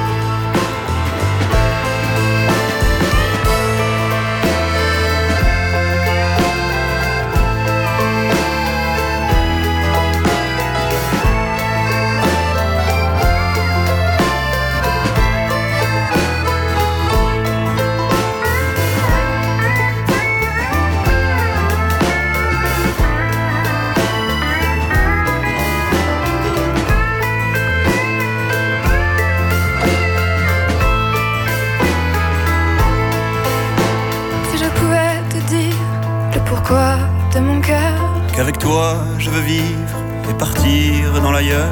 Si je pouvais t'aimer, le montrer un peu mieux. Peut-être que nous serions heureux. Oui, je voudrais te dire le pourquoi de mon cœur. Je veux vivre avec toi et filer dans l'ailleurs. Si je savais te dire que je suis amoureuse, peut-être que nous serions heureux. Si les roses dans le ciel s'envolaient chaque soir, quand nos paroles s'éteignent dans le noir. Si nos bouches silencieuses s'ouvraient comme un feu, peut-être que nous serions heureux. Peut-être que nous serions heureux. Peut-être que nous serions heureux. Baptiste Amon was dat met Peut-être que nous serons heureux. Open kaart.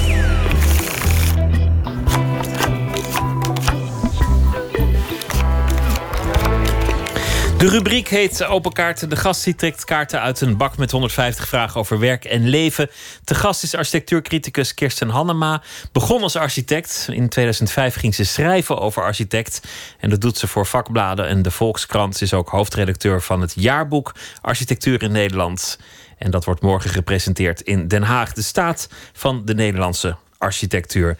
Welkom, Kirsten Hannema. Dankjewel. Hoi. Te beginnen met het goede nieuws. Er wordt weer gebouwd. Er is weer werk in de architectuur. Na 2008 lag de boel eh, nagenoeg plat in Nederland. Mhm. En toen hadden we eigenlijk een paradox dat Nederlandse architecten de wereld veroverden, wereldberoemd werden, prachtige opdrachten hadden, maar niet in Nederland.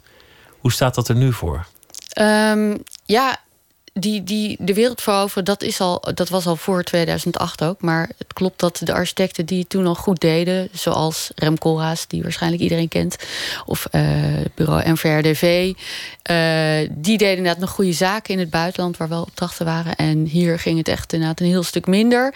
En nu, eh, nu zie je met name in Amsterdam... dat, er inderdaad, dat we weer eigenlijk soort terug bij af zijn... of ja, misschien in positieve zin. Er wordt inderdaad weer volop gebouwd. En eh, de woningen die zijn niet aan te slepen. En eh, architecten die eh, kunnen weer aan de slag. Ja.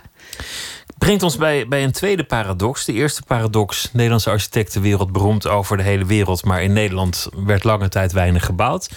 Tweede paradox: Nederlandse architecten wereldberoemd.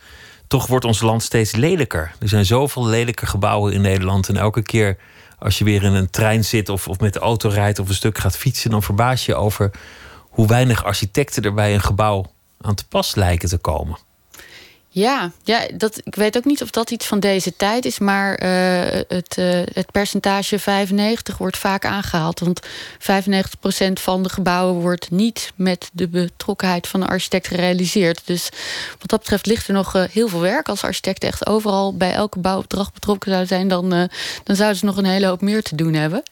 Ehm, dus ik denk een deel van het landschap dat we zien, dat is niet onder architectuur gebouwd. En, ehm, Neergezet gewoon door een aannemer en een projectontwikkelaar of een, eh, of, of een, of een gemeentefunctionaris of, of noem maar wat. Ja, ja, zonder planning. Of misschien ook wel dat er een gebouw is gemaakt met een architect, maar dat over eh, het hele beeld langs die snelweg of eh, rond dat dorp waar is uitgebreid, dat dat niet door iemand is nagedacht over hoe dat op de lange termijn nou zou moeten gaan. En dat er niet ad hoc weer een volgend plekje volgebouwd wordt. Dat zie je ook vaak. En uh, ja, dat ervaar je dan ook vaak als rommelig. Of oh, daar is zomaar weer iets tegen aangebouwd. Dat, uh, dat gebeurt dan als vanzelf. Ja. Veel lelijke gebouwen. Als ik het voor het zeggen had, dan zou ik met een, uh, met een busje dynamiet door, door het land trekken.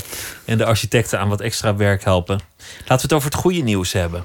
Wat, uh, wat, wat, zijn de, de, de, de, mooiste dingen die in het boek terecht zijn gekomen? Um, de parels. Ja, ik denk best verschillend. Want sommige dingen die zie je en dan denk je...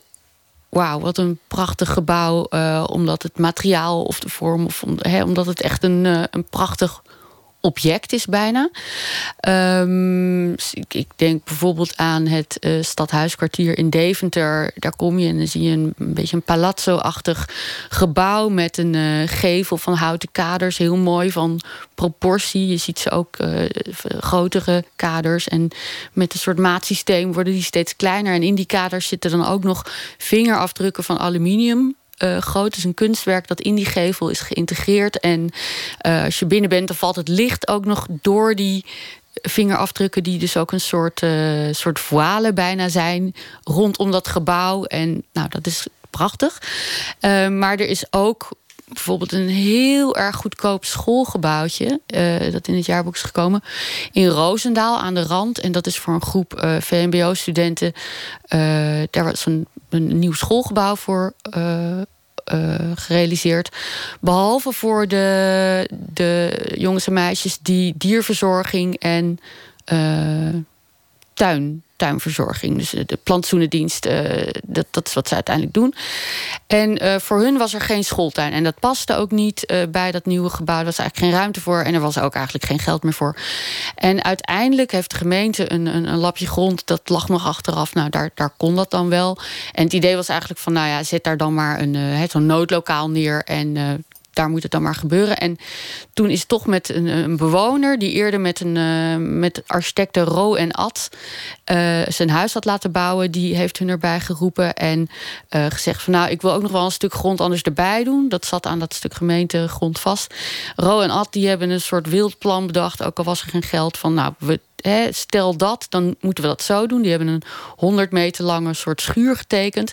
Super simpel, maar doordat die 100 meter lang is, ook eigenlijk een soort super sterk ding staat er ineens op die plek. En uh, de, de leraar, een van de leraren heeft die met twee timmerleerlingen uh, gebouwd. Al die houten spanten. En uh, nou, een aannemer is nog bijgesprongen. Wat donaties voor planten in de tuin. En nou ja, zo is met vereende krachten eigenlijk een heel simpel, maar ook heel mooi gebouw gekomen. En dat is dan misschien niet schitterd als object, maar als je ziet wat het doet voor die leerlingen. Dat er uh, dat een groepje van 30 een beetje vergeten leerlingen ineens met trots daar uh, die tuin maakt. En die tuin die is ook toegankelijk dus voor die uh, omwonenden en voor de buurt. En dat er echt een soort hele mooie plek staat waar mensen samen iets nieuws maken.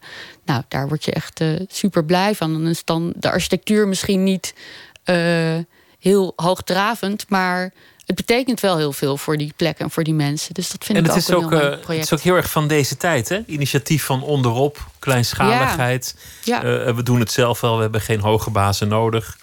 Nou, ook een beetje. Een beetje wel, ehm, maar. Ja, het is, het is misschien iets van de, van de crisis. Omdat de grote ontwikkelaars en de overheid uh, geen geld hadden. Dus het moest wel van de particulier komen. Het heeft ook te maken met uh, de overheid die zich meer terugtrekt als opdrachtgever. En het zegt van.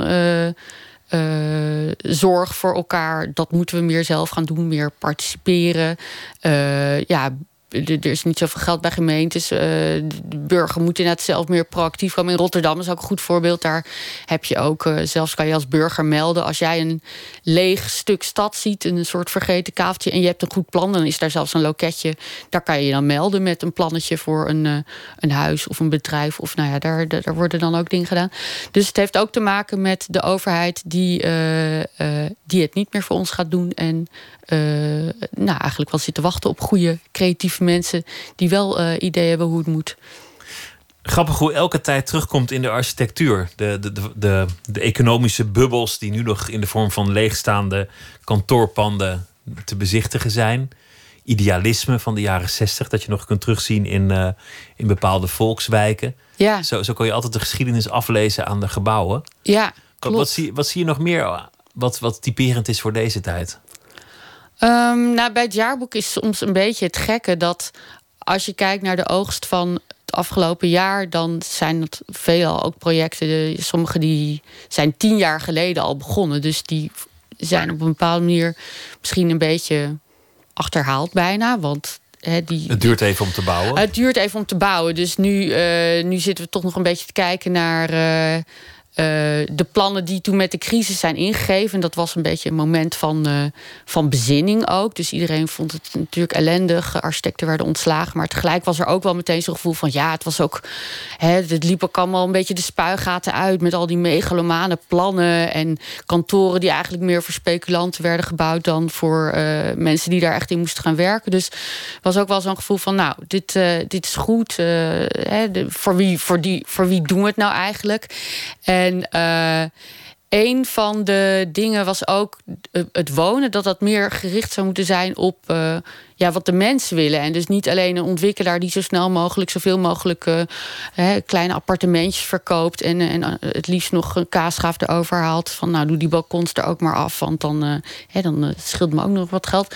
En um, dat zie je nu wel, dat dat soort projecten nu af zijn. Dat heet dan collectief particulier opdrachtgeverschap. Dat is een vorm waarbij dus een groep bewoners zich verenigt.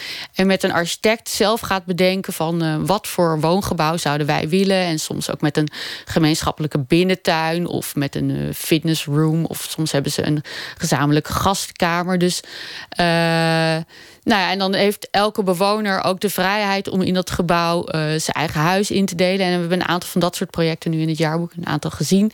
En uh, dat is wel echt iets van deze tijd. En volgens mij iets wat de bewoners ook heel goed bevalt. En wat de gemeentes ook interessant vinden. Want je krijgt een meer diversiteit in de wijk. En uh, je krijgt meer gemeenschapszin als mensen samen dat gaan ondernemen om zo'n gebouw te maken. Dus ja, dat is ook voor de sociale cohesie in zo'n wijk ook uh, prettiger. Dat mensen samen willen werken en uh, een plek hebben ook om samen te komen. Dus dat is uh, een van de dingen van nu. Nou, het andere is denk ik wel, dat is ook al enige tijd, maar dat transformatie van bestaande gebouwen en het bouwen in de bestaande stad en niet meer weilanden volbouwen, dat dat ook steeds meer de architectuur gaat bepalen en het werk van de architect. En dat zag ik ook in het, in, in het boek een paar mooie voorbeelden van. Laten we beginnen met die kaarten. De, de bevreesde bak, hier is die. Ik wil je vragen om één zo'n kaart te trekken en uh, de vraag voor te lezen. Welk idee heb je stiekem gejat? Een idee uit het boek of in het algemeen? In het algemeen. Jat je wel eens ideeën? Um, jeetje. Nou, dat vind ik wel een lastige niet, uh, niet heel bewust. Het is wel zo dat ik vaak ideeën. Voor schrijven ben ik eigenlijk altijd bezig met ideeën. Ik heb ook altijd wel een document open met ideeën voor volgende artikelen. Dus het kan wel zo zijn dat ik ergens iets lees en denk: ja, dit zou ook wel iets kunnen zijn, maar dan meer vanuit een architectuurperspectief. En dan, uh, dan parkeer ik dat idee.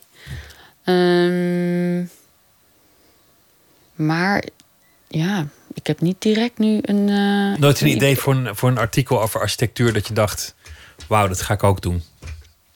Nou, ik moet zeggen, ik, eerder, ik heb wel eens. Uh, ik, ik, voel me altijd schuldig als ik twee keer over eenzelfde onderwerp schrijf. Dan voelt het al gejat.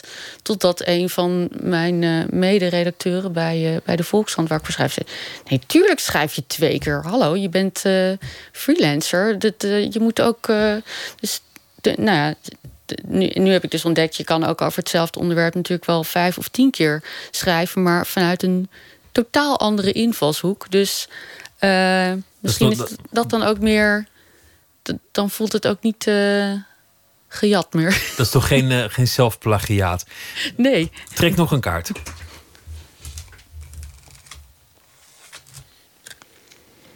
Waardoor werd je in je werk belemmerd? Um, ja, door misschien een, typische kwaal van deze tijd, maar uh, perfectionisme en uh, de lat erg hoog leggen. Dat, uh, ja, dat heeft mij wel heel erg belemmerd. en dan en dat voor jezelf houden vervolgens. Dus zo van ja, nou, dat, ja, dat doe ik ook nog wel en dat doe ik ook nog wel heel goed. En nou, dan ondertussen, ik, ik heb een tijd heel erg last gehad van eh, RSI. Dat hoor je nu niet meer, maar ik, uh, ik heb er zelfs nog steeds wel eens last van. En dat begon toen ik werkte als architect. Had ik het programma AutoCAD. Dus de hele dag zat ik eh, in, op de computer gebouwen te tekenen. En het begon toen ik stage liep. Toen moest ik het voor het eerst, want ik was eigenlijk een fervent eh, handtekenaar. Ik vond het fijnst om met zo'n roodringpen, zo'n inktpen te tekenen. Maar goed, op een gegeven moment ging ik stage lopen. En het was wel duidelijk dat in deze moderne tijd dat bedoeling was dat ik ook achter de computer eh, zou gaan werken. Ik dacht, nou ja, oké, dat moet ik uiteindelijk ook kunnen. Dat moest van mezelf.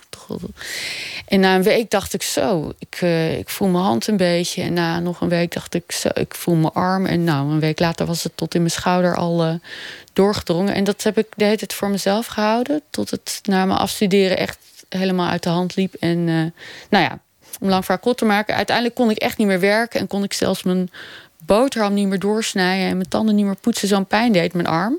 Dus ik kon echt niet meer werken. En ik heb bijna een jaar toen niet meer gewerkt. En ook echt gezocht naar banen die nog zonder computer er zijn. En dat, dat waren er chockerend weinig. Om maar niet toe te geven dat het even niet ging. Of, of aan jezelf al maar toe te geven van nou, ik moet nu eventjes Nee, ophouden. ik vond dat heel moeilijk doorgaan. om eh, te erkennen dat er inderdaad een soort grens was. En, eh, en daarna ook te merken dat toen ik er dus niet was, dat, eh, dat alles gewoon verder ging. dat was ook een. Ja, dat is ook huiveringwekkend. Ja. Zullen, we- zullen we nog één vraag behandelen? Welke muziek moet op je begrafenis gedraaid worden? Oh, ik hou heel erg van ontzettend veel muziek. Ik, ik zing ook heel veel en ik heb in allerlei bandjes gezongen. Dus het zou een hele begrafenis vol muziek mogen zijn van mij zelfs. Hij zou van A gevuld mogen worden met muziek. Ehm, ik zing zelf het liefste jazz muziek. Mm, dus iets van jazz en misschien toch geen tearjerker, maar juist een. Mijn, mijn vriend is nu eh, sinds een paar jaar. Die heeft een. Hij speelt gitaar, wij kennen elkaar uit, uit, uit de band. En hij heeft nu zich helemaal verdiept in de gypsy jazz. En hoewel ik daar bij tijd en wijle enorm nerveus kan worden, vind ik het ook heel erg geweldig. Dus misschien eh, een, een heel wild, bijvoorbeeld Caravan van, eh, en dan door het Rosenberg trio. Nou, dat is ook mooi. Ja, of eh, Django Reinhardt of iets, eh, Zoiets. of iets anders. Ja, ja en dan, dan feesten en, en dansen. Misschien gewoon op die zigeuner jazz. Morgen is de presentatie van het jaarboek Architectuur in Nederland. Heel veel plezier. Kirsten Hannema, dank je wel. Dank je wel. Kenny Staten met eh, een hit uit de jaren 70. Het was een heel grote hit, was het nooit, maar had het wel moeten zijn. He Called Me Baby.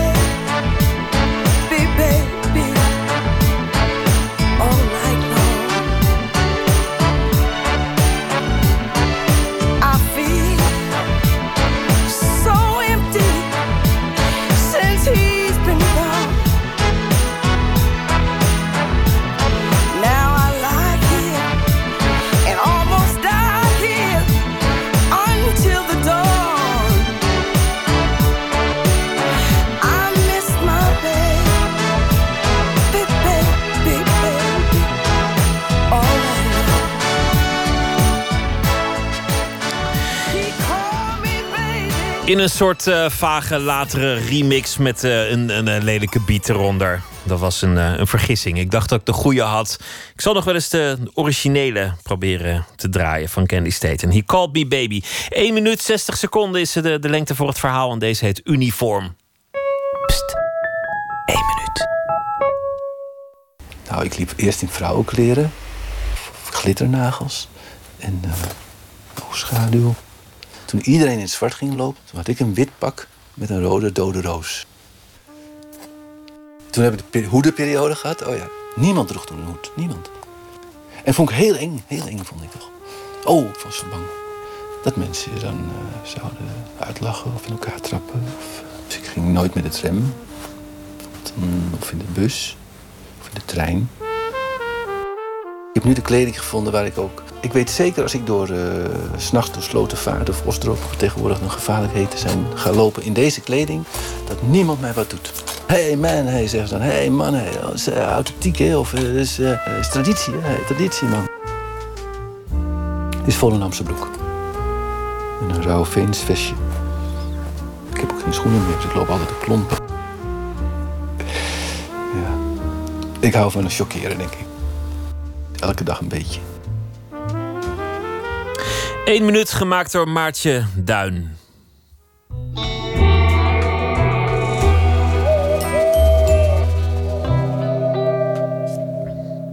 F. Starik is deze week, zoals hij zelf zegt, onze nachtpredikant. Hij zal elke nacht een verhaal maken bij de dag die achter ons ligt. Hij is in het dagelijks leven schrijver en dichter. F. Starik, goeienacht. Goedenacht, Pieter. Wat was het eh, moment van inspiratie vandaag? Til je moeder op. Dat ga ik eh, aanstonds uitleggen. Heeft je je moeder wel eens opgetild, Pieter? Mo- nee, ik heb mijn moeder nooit opgetild. Nee, nee, nee, helemaal nog nooit. Andersom wel, een periode lang, maar nooit zegt. Ja, andersom, hè? Ja. Ja. Maar ik haar optillen, dat, dat niet. Ik heb wel mijn vader opgetild toen hij, toen hij heel ziek was. En toen, toen woog hij niet meer zoveel. En toen heb ik hem nog wel eens eh, het bed uitgetild omdat hij naar de wc moest. Maar mijn moeder, dat is er nooit van gekomen. Ik kwam vandaag een wonderbaarlijk gekrompen moeder tegen. En ik ga je nu uitleggen waarom. Til je moeder op, dinsdag. Vandaag neemt uw nachtpredikant u mee naar de boekpresentatie van zijn jonge vriend Bernard Wesseling. De enige mens in mijn geregelde leven die op gezette tijden ineens zonder aankondiging of waarschuwing vooraf op bezoek komt. Die jongen die zijn mobiel nooit opneemt en mocht je hem al willen bellen, alweer van nummer veranderd is, ten einde maximaal onbereikbaar te blijven. Die jongen die mails principieel onbeantwoord laat, maar dan wel ineens bij je op de stoep, op de stoep staat. Strik. Dan komt hij de trappen opgestommeld, neemt plaats aan de keukentafel en enkele uren later blijkt de geheime, de geheime sigarettenvoorraad opgerookt en de drankvoorraad geheel uitgeput. Daarna vertrekt hij weer. Laatst nam hij in ruil voor de gastvrijheid een volle vuilniszak mee naar beneden. Plaatste die pal voor mijn deur tegen het zielige boompje aan. En moest ik hem naroepen. Doorlopen, meenemen. De container staat op de hoek. En verdomd, hij pakte de zak op en sjokte wat onzeker verder met zijn fiets en die zak. Hoorde even later, boem, alles komt goed. Vanmiddag presenteerde Benny in de Rode Bioscoop De Gezelschapsjongen. Een roman die opent met de zin... Ik betrapte haar op de uitvaart. Een jonge man legt het aan met de minnares van zijn overleden vader. Een verhaal over de roekeloze, radeloze, redeloze liefde. Kijk, dan zit je bij mij goed. Dichters worden uit paniek geboren. Bij die presentatie ontmoette ik onder andere Martijn den Houde en Eus Kuiper. De in kleine kring legendarische dichter. Die al twintig jaar werkt aan een bundel die waarschijnlijk nooit verschijnen zal. Eus Kuiper. Die in een eerdere roman van Wesseling al met verven werd geschilderd. Portret van een onaangepaste. Eus Kuiper, de dichter van Soep van het Kamp. Verder logeert een paar dagen bij mij. Gisteren maakte hij volgens geheim recept soep van het kamp. Vandaag knipte ik de takken uit zijn haren terwijl hij de overlijdensadvertenties las. Daarna pakte hij het telefoonboek en streepte enkele namen door. Vannacht hef ik het glas met u op de tedere, de woeste mannen, de ongeleide projectielen, de mannen met een ziel in hun borst, de dichters uit paniek geboren. Bij het afscheid van de presentatie tilde ik de moeder van de dichter op. Dat was niet moeilijk. En die moeder is nu heel gelukkig na het overlijden van zijn vader. Met een Italiaan. Proost. Over liefde uit rouw geboren en over het eh, optillen van je ouders. En dan, eh, dan is je ouder ineens een beetje het kind. En ben jij de verzorger. Dan zijn de rollen omgedraaid. Ja, en ook het, het, het schattige dingetje dat, dat die moeder lijkt te krimpen en ook te groeien tegelijkertijd, omdat ze nieuw geluk gevonden heeft. Geheel tegenovergesteld aan wat er in het boek van de dichter zelf gebeurt. Enfin, ik mag dat boek eh, eh, van Bernard Wesseling eh, van harte aan mijn luisteraar aanbevelen. En als nachtpredikant mag je dat doen. Dat vind ik ook. Dank daarvoor. Bernard Wesseling gaan we lezen. F. Starik, dank je wel en een goede nacht. Goedenacht. Dag Pieter. Tot morgen. Tot morgen.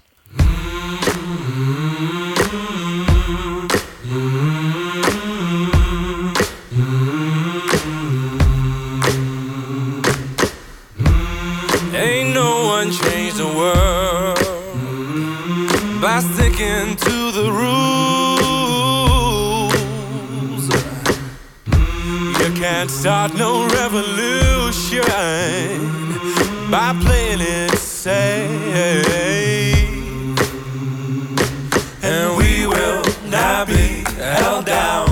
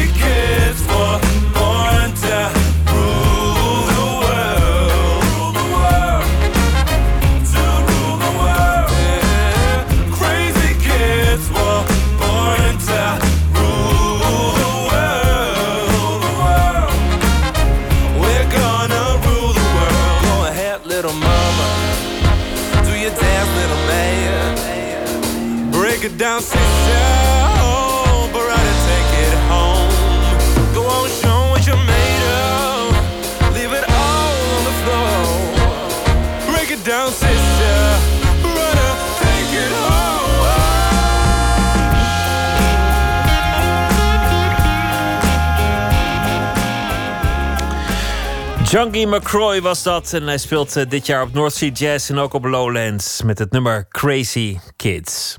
Poëzie van Pieter Boskma deze week elke nacht een gedicht. Zijn laatste bundel heet Tsunami in de Amstel. En eh, het gedicht dat hij nu gaat voordragen heet Wenteling.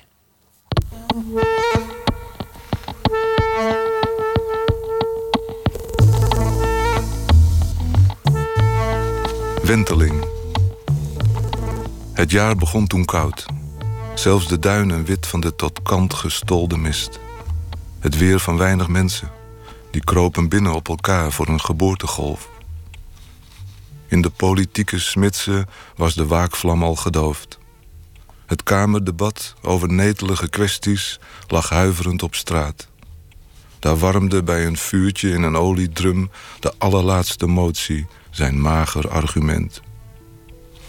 Zo groeide de kloof tussen de enthousiaste burger, copulerend op het vloerkleed voor de open haard, en het gezag dat buiten naar zijn eigen adem staart.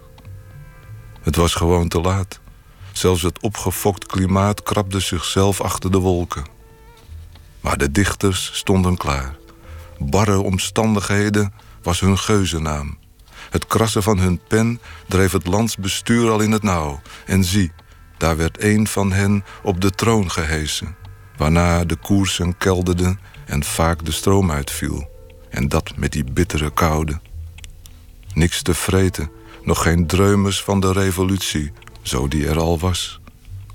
Er verrezen de partijen die het vers hadden afgeschaft. Massamars, omwenteling en toch maar weer het geld. Dit gedicht, het openingsgedicht van mijn nieuwe bundel... Tsunami in de Amstel geheten... schreef ik op de dag dat ik dacht... de politiek is failliet, de parlementaire democratie... heeft geen antwoord meer op de problemen van deze tijd... Het wordt tijd om een dichter op de troon te hijsen. Het wordt tijd voor een revolutie. Nou, we zien dus in dat gedicht al meteen hoe dat afloopt. Niet best. Wenteling. Het jaar begon toen koud. Zelfs de duinen wit van de tot kant gestolde mist. Het weer van weinig mensen. Die kropen binnen op elkaar voor een geboortegolf. In de politieke smidse was de waakvlam al gedoofd. Het kamerdebat over netelige kwesties lag huiverend op straat. Daar warmde bij een vuurtje in een oliedrum de allerlaatste motie zijn mager argument. Zo groeide de kloof tussen de enthousiaste burger, copulerend op het vloerkleed voor de open haard, en het gezag dat buiten naar zijn eigen adem staart. Het was gewoon te laat. Zelfs het opgefokt klimaat krabde zichzelf achter de wolken. Maar de dichters stonden klaar. Barre omstandigheden was hun geuzennaam. Het krassen van hun pen dreef het landsbestuur al in het nauw. En zie, daar werd een van hen op de troon gehesen. Waarna de koersen kelderden en vaak de stroom uitviel. En dat met die bittere koude. Niks te vreten, nog geen dreumers van de revolutie, zo die er al was.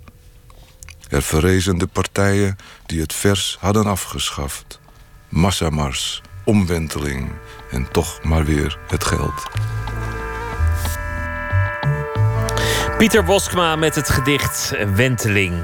Morgen in Nooit meer slapen komt eh, schrijver en stadsecoloog Martin Melgers op bezoek. Zijn eerste boek in de jaren 80 heette Haring in het ei. Hij heeft eh, meer boeken gemaakt, ook eh, films gemaakt... samen met Merel Westrik, de nieuwslezeres. En deze laatste film, dat heet Amsterdam Wildlife... die heeft inmiddels de kristallen filmstatus gekregen. Dat allemaal morgen in Nooit meer slapen. Een hele goede nacht.